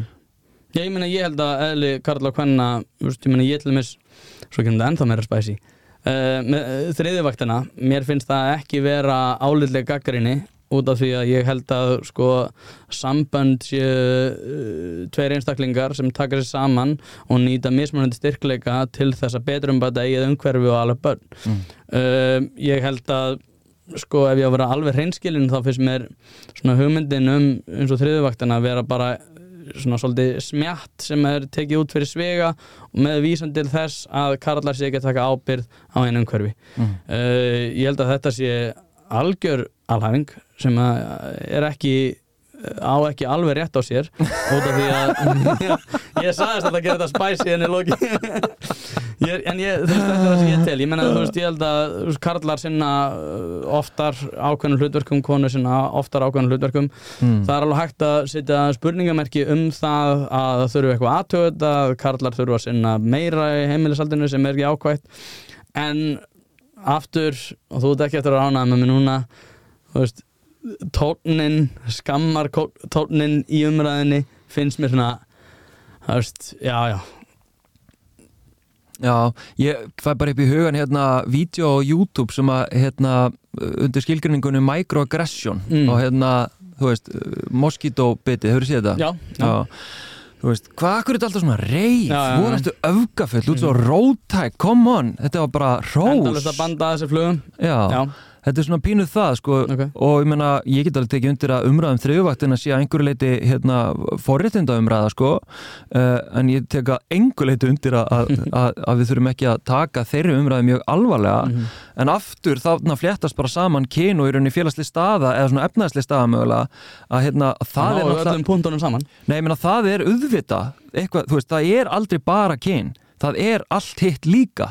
Og, og, hérna, og í þessari gaggrinni þinni til þess á umræðum þriðvaktina þannig er henni tekuð þú bara eitthvað svona ákveðið yfirborð og svo hefur einhver ákveðna skoðun og, og ég heyra bara því að, veist, ég hef kynnt mér þetta og veit mjög mikið um þetta að, að þessi afstæða þín, hún grundallast ekki á mjög mikill þekkingu á þessu fyrirbæri. Þú veist, ég bara heyri það. Þú veist, þannig að Það er, það er það kannski sem að trubla mig að alveg eins og með pistilin, pistilin sem að, ég þarf að laga staðið mitt hérna, að pistilin hérna áðan að sem við fórum í gegnum að, að þú ert einhvern veginn tilbúin til þess og þú útskýra þú ert tilbúin að fara að stað með einhver ákveðna skoðun, einhver ákveð teik út frá vissulega einhverju svona ákveðnum hugsunum sem eru góður og gildar um tjáningafrelsi og, og líðræð og allt þetta. En kannski gætir ekki alveg að því gæti mögulega verið að þessi afstæða mín og skoðun og það að ég viðrana svona með þessum hætti að hún kunni að hafa í rauninni neikvað áhrif á einhver tiltekin hópi eða tiltekna einstaklinga þrátt fyrir að það sé ekki þú sem að þurfa að greiða fyrir það sko. Og það er forhundafyrring og það er í rauninni eitthvað sem er alvarlegt. Og ég myndi óska þess að þú segir kannski þarf ég einhvern tímann að taka upp hanska fyrir transfólk og eitthvað svona. Hvað, er það ekki augljóst, er það ekki augljóst að, að bæði hérna, bara í rauninni allt sem að, já, flest allt sem feministar er að, að berjast fyrir er líka til hagspóta fyrir transfólk. Þessar baróttur, hins eginn baróttan barótta, hérna Uh, brúnna og svartra, Black Lives Matter. Þetta er, þetta er allt samhangandi. Þetta hangir allt, öll þessi mannendur bara hún hangir saman sem þýðir að bakslag, eins og ég sé það bakslag á einu sviði hún kurlast niður annar staðar. Þannig að, og það er bara í takti svo, við svo stangast þessar baráttur náttúrulega á. Ég meina það er ástæðan fyrir því að við sjáum ekki Women's March lengur þannig að Linda Sarsvor og fleiri konur voru gaggrina það að baráttan væri háð af hvítum gyðingum sem átti ekki að vera sko riðja sér til rúms. Ég meina þú veist, að sjálfsögðu eiga þessar baráttur eitthvað sameinlegt þú veist, sem við myndum segja er eitthvað sameinlegt í svona marxískum, foucaultískum fræðum. Uh, ég nenn ekki að fara út í það en uh, sko það eru allir að reyna að sjá sko sínum hagsmunum framgöngu. Og það er gott og gilt. Ég meina það að fólk sé að takast á allumis uh, markaði hugmyndana er mjög jákvætt. Framfærir eru þannig, sömur verða undir sömur verða ofan á. Og þannig náum við framförum. Eins og ég, eins og ég er búin að nefna núna þrísvaldi við náum framförum með vísan til andstöður um, og það er margt þannig skilur þú þú segir þetta sé samhangandi. Já, en það breytir því ekki að það má alveg gaggrina þessar hugmyndir og þú veist, og það er eina sem ég var að segja. En það eru alveg átök innan feminist, það eru átök innan feministkra hópa og feministkra einstaklinga Þeir eru alltaf að cancela hver öðru. Nei, við erum ekki að cancela, við erum bara að gaggrina og það er ofta einmitt líka hluti kannski á ansbytunum hversu fólk er tilbúið til að segja það er ekki eining innan feminista fe sjáu þið bara að feminismin er, er, er, er vonlus hugmynd, þú veist, það er náttúrulega ekki Já, eitthvað sem já. feministar gera sko. Nei, nei, er hérna shot sko.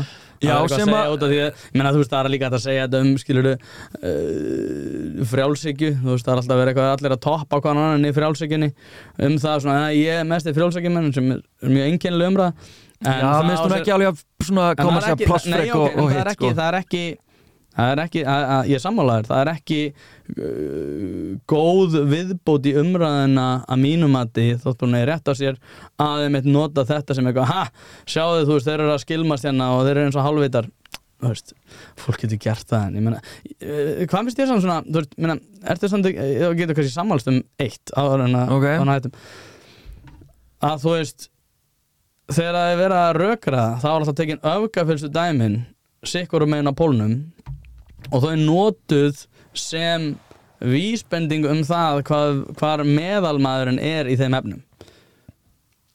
Ég er búin að að pæla í þessu sko því að samfélagum verður svolítið, svolítið bjöguð. Mér finnst þetta að vera svona jável hættulegt líðræðinu sko. Ertu með eitthvað teik fyrst að ég byrjar að stýra þessu. Já, hvað hva ertu að tala um þar? Ég tala um, þú veist, svona, þegar vinstri minn er að að gaggrina hægri menn að þá er það oftast með vísan til einhvers fávita með eitthvað ógæslið myndban og saman Já. með vinstri menn og skilur þú feminista þá er, þá er tekið einhver svona bara galinn pæling skilur þú bara, þú veist all, wo- all men are trash. Og það er svona, já þannig er meðalfeministinn Já, jú, jú, ég tek undir að þetta er, þetta er, mjög, þetta er mjög vond en, en aftur að áhrifunum mm. þú veist, áhrifin af því að, að hérna, ég var að segja að Ég þarf að taka ábyrð á mínum dútti eins og þú dútti eins og þú að þú hendir fram einhverjum skoðunum Mhm. í, í hérna ljósi tjáningafrelsis Já, áhrifin af því vegna þess að hlustunarskilurinn eða móttökuskilurinn fyrir þessum viðþórum eru svo óbáslega rík að áhrifin á til dæmis, ef við tölum um feminista þú veist, eru bara almennt miklu sterkari heldur en ef, til dæmis ef við tölum um Jordan Peterson eða, Mhm. eða eitthvað svoleiðis að hérna, En er þetta að segja að hérna, ef ég er að skilja það rétt Mm. að ég eigi ekki að segja mína skoðun út af því að það er líðræðislegu grundvöldu fyrir minni skoðun og ég eigi að halda mig til hljés út af því að þú ert ósamla nei, ég var ekki segja það. En það er það sem ég heyri út af því að þú segir það er svo mikill meginströmmur með þínum skoðunum. Minna þá sjálfsögðu að ég hafa Nei, tjáningafælis nei. til að segja það. Nei, ég er að, ég er að teika punktin þínum um í ofnbjörn umræði þá fyrir alltaf í öfgafylstu pólana. Já, og við tökum hérna, tökum hérna öfgafylsta frjálsíkju kommentið ég er að tala um þú veist, við erum þá að tala um að öfgafylstu skoðarna séu ekki réttar, Já. það séu ekki góðar það eru engu til góðs ef ég er að skilja það rétt. Já, og þá er ég að vísa hérna til þess það er að ég telji þó allavega skárra að vera rótæknis megin vegna þess að það hefur ekki sama vægi ef að jaðarsettur einstaklingur er með einhverja mjög rótækar já, eins og þú segir öfgafullar skoðanir eða, eða, eða teika einhverju vegna í rauninni segja stöðu Mm. þeirra skoðunar eða já, stöðu þeirra einstaklinga í samfélaginu almennt. Mhm. Það er það sem ég er að bera saman. já, ég skilji ég, sko, ég er náttúrulega algjörlega frá ábyrð mér allri öllu bulli um það hérna þú þarfur að bera ábyrð á þínum skoðun, mátt segja hvað sem er þú þarf bara að bera ábyrða, mér finnst það algjör þvæla, ég myndi aldrei segja með einhvern annan og mér finnst það óþólandi þegar fólk er að segja það fyrir mig uh, með tilliti til þess sem við varst að tala um að, að sjálfsögðu á manneskja sem er kannski með skoðanir sem eru öfgafullar að hafa rétt á sig það sem ég er að að benda á er að hægri menn og kannski menn sem eru sammála mér benda á þetta fólk sem vísbendingu um hvað það sé vittlust og fleiri þess að þar Mm. ég er ekki að tala um endilega ég er alls ekki að segja eitthvað að þau ekki fá að tjá sig eða segja svona skoðanir og að öfgafullar skoðanir ekki fá að heyrast ég er að segja að, að þeir eru að taka sko þeir eru svo ég noti myndlingu að setja fingurinn út í loftið að það sé notað sem dæmi uh, til þess að færa rauk fyrir því að svo skoðun sé nú bara fyrir fáita og allir þeim megin séu bara fáitar það er slæmt Já, en þú veist, ég segja alveg að, Mhm. mér finnst alveg að, að, sumir sem að eru í ógeðslega mikil valdastöðu mættu alveg oftar halda fokkin kjafti og sleppa það tjá sig að því að viðþónum þeirra á skoðanir er bara hreinlega að hafa það mikil meðandi og neikvað áhrif að það er bara betra að þú bara haldi kjafti. Og ég er ekkert endilega að tala um þig þó sumt sem þú segir eh, hefur mátt sleppa. á stundum við. Þú veist, en ég er til dæmis bara að hugsa um hérna suma sjálfstæðismenn eins og Brynja Níelsson. Þú veist, stundum virðist hann bara vera að segja eitthvað engungu að því að hann veit annarkort að það hérna, bæri burtu einhverju óþægilegur umræðu Mhm. eða hann veit að hann mun fokk upp í umræðinni og svo byrja í rauninni þau sem að hafa ekki sömu völd og burði eh, eins og hann byrja einhvern veginn bara að reyna að svara þessu kjaftaði sem er ekki svaravert þú veist, það er þetta sem að mér finnst vera og mér finnst þú stundum tapp inn í þetta að búa bara til eitthvað moldvirði ekki að því að þú fær moldin yfir þig. Þú mynd aldrei fá hana yfir þig. Þú fer bara heimtiðin til konuna hennar og bassinsins og þú veist, bara að ferða á nefnvelega eitthvað, æskilur þetta mun ekki fara í þig, þetta mun ekki fara í Brynjar þetta mun fara á einhver, einhver önnur. Og það er það sem ég er að tala um að ég vildi óska þess að, að næmnin og meðvitundin um áhrif skoðana uh, þinna sem þú kýst að tjá í, í ljósis tjáningafrelsis að bara aðeins meiri meðvitund og, í raun ábyrð Mhm. Það er það sem ég væri til að sjá frá þér af því að ég trúi því alveg þú sérst vel minnandi, ég trúi því alveg og vilji vel. Og þú veist, jú, við getum alveg verið sammála um alls konar þó að kannski ef að segja, þú, þú, þú talar og ég sammála og svo kemur eitthvað og ég er ekki sammála því, skilur við eins og, eins og gengur gerist. Já, og það er alveg gott að eiga þetta samtal og ég trúi því að við verðum að geta tekið samtal. Þú veist, ég er alveg hérna, reyndar líka á því að oft kemur krafan sterkara frá í rauninni, ef að segja valdinu krafan um það þú, þyr, þú þurfur nú að aðla aðferðafræðina þina eða þú þurfur nú að, að tala með öðrum hætt og allt eða halda þetta kjafti. Já, að, að, þú veist stundum er það hérna krafan sterkari á þau sem eru jaðasettari eða tala fyrir jaðasettari ef að segja skoðunum eða hugmyndum. Uh, að mér þætti gott og í ljósi kynjaumræðunar mér þætti mjög gott að, að gaurar eins og við Mm. uh, gaurar eins og þú sem að Já, þú veist bara hefur, þetta, ekki hefur, hefur þokkaleg hérna efnaðsli völd og, og fullt af forréttindu bara í krafti þess hver þú ert. Þú veist, þú ert hvítur, gaggi nefur og fatlaður og allt þetta. Uh, Sís Já, Þau kláraði já, sís, þú ert sísett, einmitt hérna, normatíf er svona meira kerfið, sko, en ok. Hérna, að bara hugsa aðeins byttur við ætti ég hans að staldra við hérna er, er þetta nöðsilegt, er þetta gott innlegg í umræðina eða er ég bara einhvern veginn að runga mínu einn ego hérna til þess Mhm. að sína hvað ég er klár og vel lesin og ég þóri nú að standa á móti þessum vóg her hérna, Já. Skilur þú? Já, ég skil hvað að menna sko. En hérna eins og ég segi og, menna, Ég held að Brynjar hafi sig uppi með vísan til svona keimlíkara þátta og við erum búin að ræða hérna. Ég held að hann hafi áhyggjur af uh, vestrannu líðræði og hefur áhyggjur af tjáningafrelsi og þess vegna myndi, er ég ekki að fara að halda kjafti alveg sama hvaða sko aðtöganir koma uh, að mér? Og ég myndi aldrei segja neinum öðrum að halda kjafti með vísan til þess að þeir þurfa að passa upp á hvað þeir segja. Nei, kannski ekki að fulluleiti en sumt sem þú segir. nei, bara að öllu leiti af af því að áhrifin, þú veist, er það alveg sama þó að þú segir þetta, já ég má bara segja þetta þó að það hafi einhver ákveðin áhrif. Já, nei, mér er ekki alveg saman áhrifin. Nei. uh, og þetta er góða punktur. Uh, mér er ekki saman, alveg, alveg saman áhrifin. Og ég uh, reyni að hafa jákvæð áhrif. Og ég held að sko, og eins og segi ég er raunin að berjast fyrir þeim réttindum sem að ég myndi líka berjast fyrir öllum þeim hópum sem að uh, ku vilja segja að þú talar um að fá moldina yfir sig. Ég, mér finnst það byggt á veikum grunni en aftur á móti að ef að sko það að fólk móðgist eða fái yfir sig leðilega ratúanir með vísan til það sem ég hef að segja þá finnst mér það vera sko collateral damage eða ég man nú ekki hvað orðið á íslensku var. Jú, það er eitthvað collateral damage sem að bara ég tel að sé uh, afsakanlegt út af því að tjáningafrelsi er bara mitt sko, minn ær og kýr. Já, já, en stundum kann þitt tjáningafrelsi hins vegar ekki bara að skerða tjáningafrelsi annara heldur raunverulega öryggi og lífsgæði. Já, það það það er það ekki. sem ég hef ágjur af. Það gerir það ekki. Það, það En er það mig- þitt að dæma? Já, það er mitt að dæma. Út af því að það hvernig fólk tekur við minni skoðun er ekki raukstuðningur fyrir því að ég eigi ekki að fá að tjá mig.